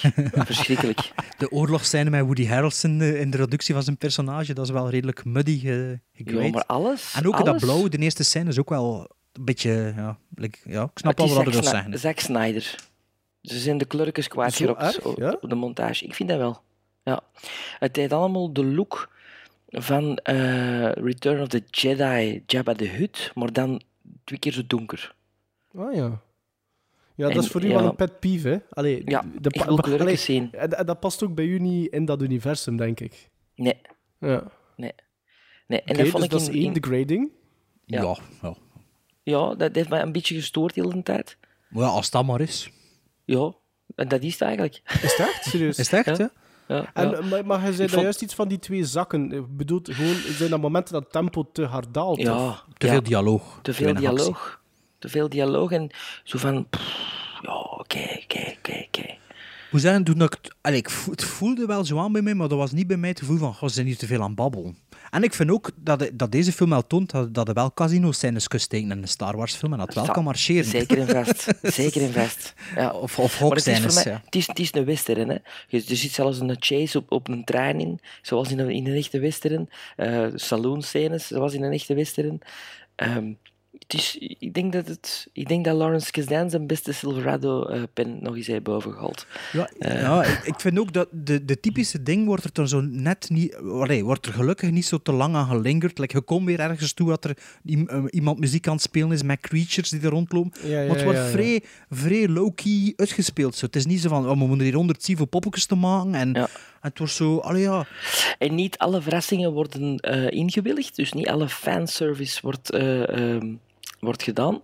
Maar waardoor dat je wel zoiets hebt van, wauw, een tweede film zou wel tof zijn. En er zijn ook wel, allee, ik weet nog dat je, je weet wel wat ik bedoel, Sven. Natuurlijk, wat hem ziet. Er zitten zo'n paar dingen in dat, is, dat je echt niet voelt aankomen. Hè. Dat is zo zegt van, godverdomme. Ja, maar dat wel- vond ik... Dat was graaf, hè? Ja, dat was toch... Zelfs, zelfs Robbie Rosie Ja. zei van, oh, Ja. Ik heb me toch wel mijn vraag... Ik, weet, ik, heb het- ik vraag me dan ook af, ik ga wel online komen, de timeline en al, hoe dat er allemaal juist zit. ja, hij is... Ja, Ja. Niet te ja, veel, hè, ja. niet te veel. hè, Nee, nee, nee, hè. niet zeggen, Sven. Maar, maar, maar, Maar je weet, we weten waarover we bezig zijn. Maar Volgens jullie, volgens jullie komt er een tweede film? Ja, Goh, Ik hoop het eigenlijk. Ja. Moet die door Ron Howard ge- gere- geregisseerd worden, Sven? liefst met een andere monteur dan aan de knopjes van de degrading. Ja, maar dat ja. kan niet meer nu, hè. Je moet in dezelfde kleurenpalet. Ron Howard Oh, doet ja. niet- voor de rest niks verkeerd. Nee, maar ik zou toch liever zo... Weet je, ik was aan het pezen, misschien is dat ook... Omdat hij ook opgegroeid is met die films like George Lucas, dat dat misschien... Ja, toch Ja, wel een maar- beetje meer die 50s pulpy vibe had, zo, hè? Is een vriend ook van George Lucas, Ja, ja, hè? maar toch- maar toch zo-. Ja, Eh, dat dat de- zo... Trouwens, ook de THX eh de- Ja? de beginscène. De, de, de, is ook een beetje de, de beginscène van... van Ja? ja. En allee, ik ken eigenlijk ter voorbereiding eigenlijk vooral wat vraagjes, zo voor mezelf of voor ons. Anders moeten we... Allee, ik weet niet of Sven had er nog iets te zeggen. Hij zegt, dat moet ik zeker nog zeggen. Anders dat- ik had hou er een keer door en dan... Ja, misschien kom ik er dan wel op vanzelf. Zo, maar het is- het een beetje all over the place. Volgens mij is de timeline trouwens ehm, eh, voor eh Episode Rogue One one. en voor, voor episode 4, hè? Ja, ja, sowieso, hè. maar wel na Revenge of the Sith. Hè? Oh, dat zou kunnen, ja. Ehm, kijk, ik ga een keer de vraagjes. en We kunnen het dan, dat is een beetje eruit. Hadden we schrik door de per- productieperikelen voor wat dat we gingen zien? Nee. Nee? Nee, want ik lik met Ant-Man, dat je dat wel voelt, dat is door een dien geregisseerd, dat is door een dien geregisseerd. Ja, dat ik, niet voel dat niet, ik voel dat niet met Ant-Man. Nee. Nee. ja. Nee, omdat, omdat ik, ik, ik geloof nogal in Ron Howard als regisseur, behalve dan de Da Vinci-toestanden. Maar ah, voor de rest heeft hij eigenlijk allemaal wel toffe films gemaakt. Rush, of van een paar jaar geleden. Dat was, Ook cool. Ja. dat was zeker niet slecht. Heb je dat gezien, Maarten? Nee. Ni Nicolauda en... Hoe noemde de ander weer? Oh ja, de, de rivaliteit tussen die twee Ik heb al Formule eh, 1 vorige piloten. was... nog een keer A Beautiful Mind herbekeken. Dat is ook door Ron Howard, hè? Ja. Ja. Ja. En Ja. Paul Bettany doet daar inderdaad ook in mee. Ja, of al die films bijna van de laatste 10 jaar of 20 jaar. Hè. Ehm, wat vonden we van de tie-ins, callbacks, flash-forwards, fanservice? Vraagteken. Wat dat is een beetje... Sorry, dat, wat? dat- dat- Dat wat dat dan? wel al geantwoord. En wel gewoon de, de, de dingetjes, de kleine dingetjes. I hate you, I know. Oh, goed, I have goed, a bad goed. feeling about this. Ik weet Nee, niet I have good zit. feeling. I have a good ja, feeling, voilà, Jeff. voilà. Also, maar zo Nee, nee, en toen dat nog de... Allee, er, zijn, er zijn dingen die toen een beetje oh ja, zijn, maar al bij al ik... De Oh, humor dat werkte, wel. werkte de humor in tegenstelling tot The Last Jedi, voor mij Ja, toen. vond ik wel. Vond ik ook. Ja. Ehm, CGI, was het CGI draaglijk? Weinig, weinig CGI. Of toch veel nieuw. Het grote monster aan de, aan de, aan de Castle Run Ja, ça was CGI-ish. De Proxima, maar ça Ja, va. ça Ik va, vond, ça va, ik ça vond, va. stoorde me er ook niet aan. Nee. Is de film op zich heel verrassend? Verrassend. Op sommige momenten wel. Ja. Was, het, was de film een verrassing voor u, als het buiten kwam? Dat, dat het goed vond? Ik wist dat ik het goed ging vinden. Het, het, is niet... Maar je vond ik- de trailers vrij goed, hè? Ik Ja. heb de trailers bekeken en ik vond ze niet goed. Nee? Had ik de trailers gezien op voorhand? Nee, ik ging... ehm, ik vond de muziek ook niet goed in de trailer. Vooral die eerste trailer. was zo'n heel rare muziek. Ah, ja. Over, over muziek gesproken, De missen we John Williams? Nee, want John Williams is aanwezig. Hè. Als Is de aanwezig, ja. Falcon in, in, volle, in volle glorie uitbarst, dan zit hij precies in de Return of the Jedi. Ja, ja oké, dus je miste Anna de traantjes moet laten. Nee. Ik één moment dat ik het toch moeilijk had. Het moment Ja? dat ze alle twee voor de eerste keer achter het stuur zitten van de Millennium Falcon, dat is geen spoiler natuurlijk, was toch zo'n moment dat ik dacht was van, yes. kikkervlees, maar geen traan. Oh ja. Nee, niet, niet gelijk als bij, bij Rogue nee, One. nee, nee, nee, nee, niet, niet dan, maar Nee, Rogue One? Maar dat ik wel... Ja. Ja, als, Force ik Awakens, nee. Nee, Rogue Ah ja, als, ik, als ik als Leia zag, op het dan- einde, ja, ja, juist, ja. Spoiler Maar, eh, alert voor Rogue One. Wat ik wel heel tof vond ook, heb je al de referenties gezien naar... Heb jij de referenties gezien naar Raiders of the Lost Ark? Eh, misschien, maar ik denk het niet, zeg ik er. Ja, op een gegeven moment heeft hem zo'n helm op en komt hem met een staf. En dan komt hem echt zo gelijk als dat Harrison Ah, Ford in een met tempel... zijn staf in de tempel. In de tempel binnenkomt met eenzelfde soort eh, dingen Ah, rond. nee, dat, is- dat is me ontgaan. En waar dat de Millennium Falcon staat, dat is precies uitgelicht zoals het eiland op het einde van Raiders of the Lost Ark. Ah ja, daar ga ik de Met die- volgende... ik zeker nog een keer in de cinema gaan. Ga ik er wel nog een keer op plannen. Ah ja. Ah nee, dat is, eh, dat is mijn eigen niet, eh, niet echt... eh, Je, zou, je, zou- je, je vindt hem wel van die, die zo positief dat je een tweede keer gaat gaan kijken in een cinema, Bart. Wat kon met mijn Ik- zoon gaan, hè. Ik kon zeker nog eens, want ik ben nu met Robbie Rosie gegaan, met Voilà. mijn dochter. Ja, en ik kon zeker met de, met de zoon ook nog eens gaan. Ja. Ja, wel, ik, ik was sowieso... Allee, like, mijn vriendin is nu vandaag naar Infinity War geweest met mijn oudste zoon, omdat ik geen goesting had voor de tweede, tweede keer te gaan. Maar als ik Infinity War goed vond, ging ik er ook een tweede keer naartoe gaan. Maar van dit is sowieso het plan. Ik ga eerst altijd alleen zijn, ik kan niet heel de film zitten uitleggen wat er gebeurt, omdat die nog iets te klein is voor de ondertitels goed te kunnen lezen. Maar ik ga solo wel nog een keer in de cinema zijn. Zeker en vast. Ja, ik vond dat, eh, vond dat zeker een, een, een plezier eh, voor te zien. Ehm, maar het doet, mij- het doet mij ook plezier van, van jullie erover te horen ja, gewoon zo. Ja, en allee, je moet. Je moet like, er zit zoveel kritiek van mensen die verwachten dat ze nog een keer opnieuw Empire Strikes Back gaan meemaken. Maar, Ja, maar dat, is gaat niet meer gebeuren. Dat gaat niet meer gebeuren. Natuurlijk, mag, dat, dat of, mag je of heel verwachting- onverwachts. Ja, je mag gewoon... Wat dat, wat dat het moet hopen is dat er niet nog een keer de Phantom Menace meemaakt. Of dat er niet buiten komt like dat The Last Jedi gezien hebt. Voor mij. Maar voor de rest ja, moet je verwachting een beetje bijstellen. Hè. En ik heb Ja. een Star Wars film gezien. Ehm, Solo 2 willen we alle twee zien. Dus ehm, hopelijk komt die er toch wel. Heb je al Star Wars fatigue? Wat had de vorige keer gezegd met The Last Jedi? Ikke? Ja, of Maarten zelfs. Ja, in principe. Nee, nee, nee, nee. Ik heb wel Nee. een beetje fatigue, ja. Wel, wel, ja, ik weet ook niet waarom. Ik had, maar dat is omdat ik wist dat jullie naar, naar Solo waren gaan kijken. Ja, ik heb, ik, ik heb dan ook bijvoorbeeld Rogue One herbekeken. Ik had wel Ja. precies goesting van toch nog iets, iets Star Wars te doen. Ja, ja, Maar ik heb vandaag een New Hope bekeken met mijn jongste zoon, dat hij die nog niet echt aandachtig gezien had. Ik had niet het gevoel dat als ik buiten kwam, hetgeen ik met Rogue One had. En was de- dat weer? Ze, ja. Ja, Nee, nee, nee. ja, het is natuurlijk ook, iets- Nee, dat was maar- ook weer iets anders. Zeker die tie-in met een Ja, Die tie-in was fantastisch. Ja, Ja. natuurlijk. En je komt ook buiten nadat je de, juist de laatste vijf minuten van die film Ja. gezien hebt. En- dat en- dat, dat en rechtstreeks aansluit op een New Hope. Ja. En Sven, Peter Cushing, hè. Peter Cushing. Ja, ja. ja. Maar dus eh, gizmos, eh, Sven, had je gizmos gegeven voor Ja, dat hier? 7,5.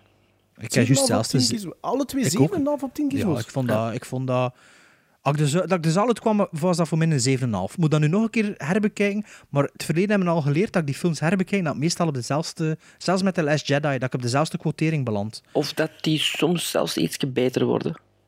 Ja, misschien dat dat... Ja, ik had met, inderdaad. met, met Rogue One, die is beter geworden. Mm, Ik heb die twee keer in het cinema gezien en ja, die is beter geworden. Ik vind dat Beetje, wel- beetje vind dat wel beter. straf. vind dat wel straf. Because the story got out of the way. Dat is soms, de eerste keer moet je soms het verhaal eerst verwerken en dat je weet van oké, dat gaan we doen, nu ga ik naar de film kijken. Ja, Alleen ja. met zo'n belangrijke film zei dat, dat toch wel. Hè? Ja. Allee, dus uh, luisteraars die ehm, ja, onze mening graag horen en, en, en als leidraad, en als leidraad ge- gebruiken, dan, ja, dan is Solo een, een, een no-brainer, blijkbaar. Ja, en wat ik wil zeggen is dat volgens mij de, dat de, de bus op voorhand was redelijk well, mooi van mensen die niet echt interesse hadden. Er was niet echt een interesse, dat is wat ik in het begin eigenlijk zei. En ik denk dat de word of mouth nu wel zijn werk gaat doen. Ze. Dat, allee, overtal, want ik ken, moet nu zeggen, toen dat ik hem net gezien had, had die film op IMDb 6 op 10. En ik heb nu voor de eerste keer sinds 10 jaar een keer een sterrenquotering gegeven. Ik heb hem 8 gegeven op IMDb. Gewoon voor dat, voor dat niveau een beetje naar boven te halen. Dat ik zoiets zei van, nee, dat is geen eh, 6 op 10 film voor mij. En dat was zo, de eerste reviews die toen op IMDb staan, zijn allemaal negatieve reviews. 1 ster, Echt? 2 sterren, 3 sterren. Ben ik ook van, oh, kom aan, gasten. Wat, wat, wat verwacht je eigenlijk van een Star Wars film? Nee. En, ik Woody denk- Harrelson is ook supergoed. hè? ja, en ook wat dat er met die personages gebeurt, niet voor de hand ligt. Interessante personages, er gebeuren dingen mee dat zegt, ah ja, oké, cool dat dat ermee doet. En ik denk nu echt, want die gasten dat, ik- dat ik mee op tour geweest in die Amerikanen, die hadden allemaal zoiets, oh ja, maar wel gaan zien. En ik zei, ja, het is echt cool. En zo'n twee van de vier zijn ook al geweest. Die zijn, die zijn ook van, ja, het is echt de moeite. Dus ik denk ook in Amerika dat ook, dat ook wel volgend weekend Ja, beter dat tweede, marcheren. tweede weekend zijn nog Dat- beter gaan Ja, misschien. omdat dat, dat de algemene teneur wel is van, het is zeker oké. Allee, oké. Is goed, hè? Solo.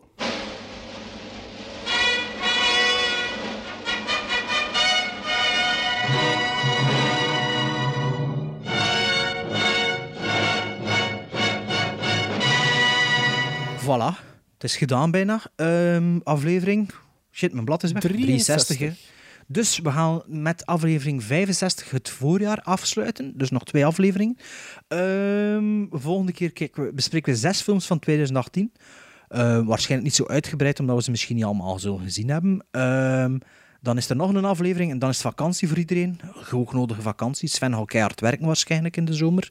Zo is ja, knikt die. Ik maak maar reclame, crème glasoorlog. eh dat andere, mag dat eigenlijk al geweten zijn, die een film? Nee, hè, Of- nog ja, niet. ja. Maar wij weten het alleen maar. Ja. Ja, wij is weten iets het al. met een een, dubbele, film. een dubbele van Nachtwacht. Ja, dat, dat is al geweten. Hè, dat is al geweten. Eh, maar daar gaan we dan misschien de volgende aflevering al iets mogen van zijn. Eh, dat werd 15 juni gecommuniceerd. Dus ik misschien, de, ja, of de aflevering daarna, misschien Ja, voor de zomer.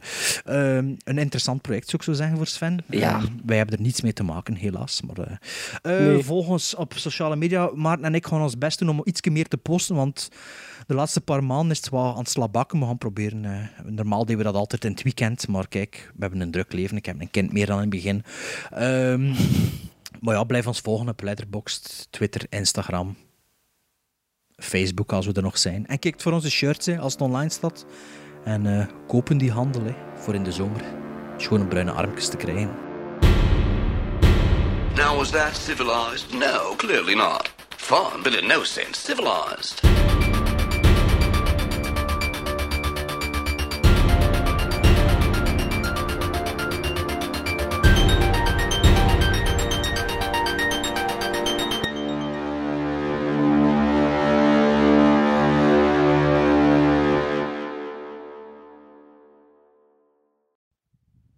Maar ik kon even een andere stoel pakken, want deze die krokt enorm. Wacht maar, ik moet even mijn, mijn... Ik zie hier juist batterij bijna leeg.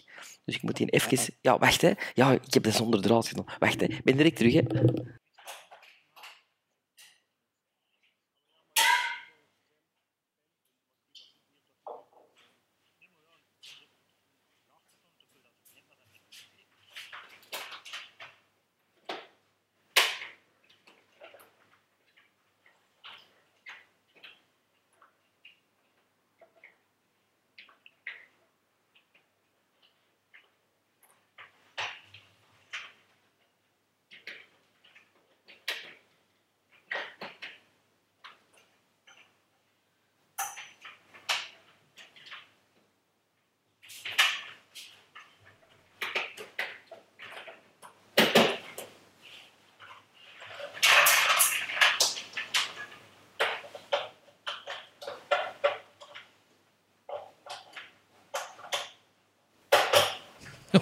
Allemaal aan doen? nooit niemand zoveel moeite om een stopcontact te...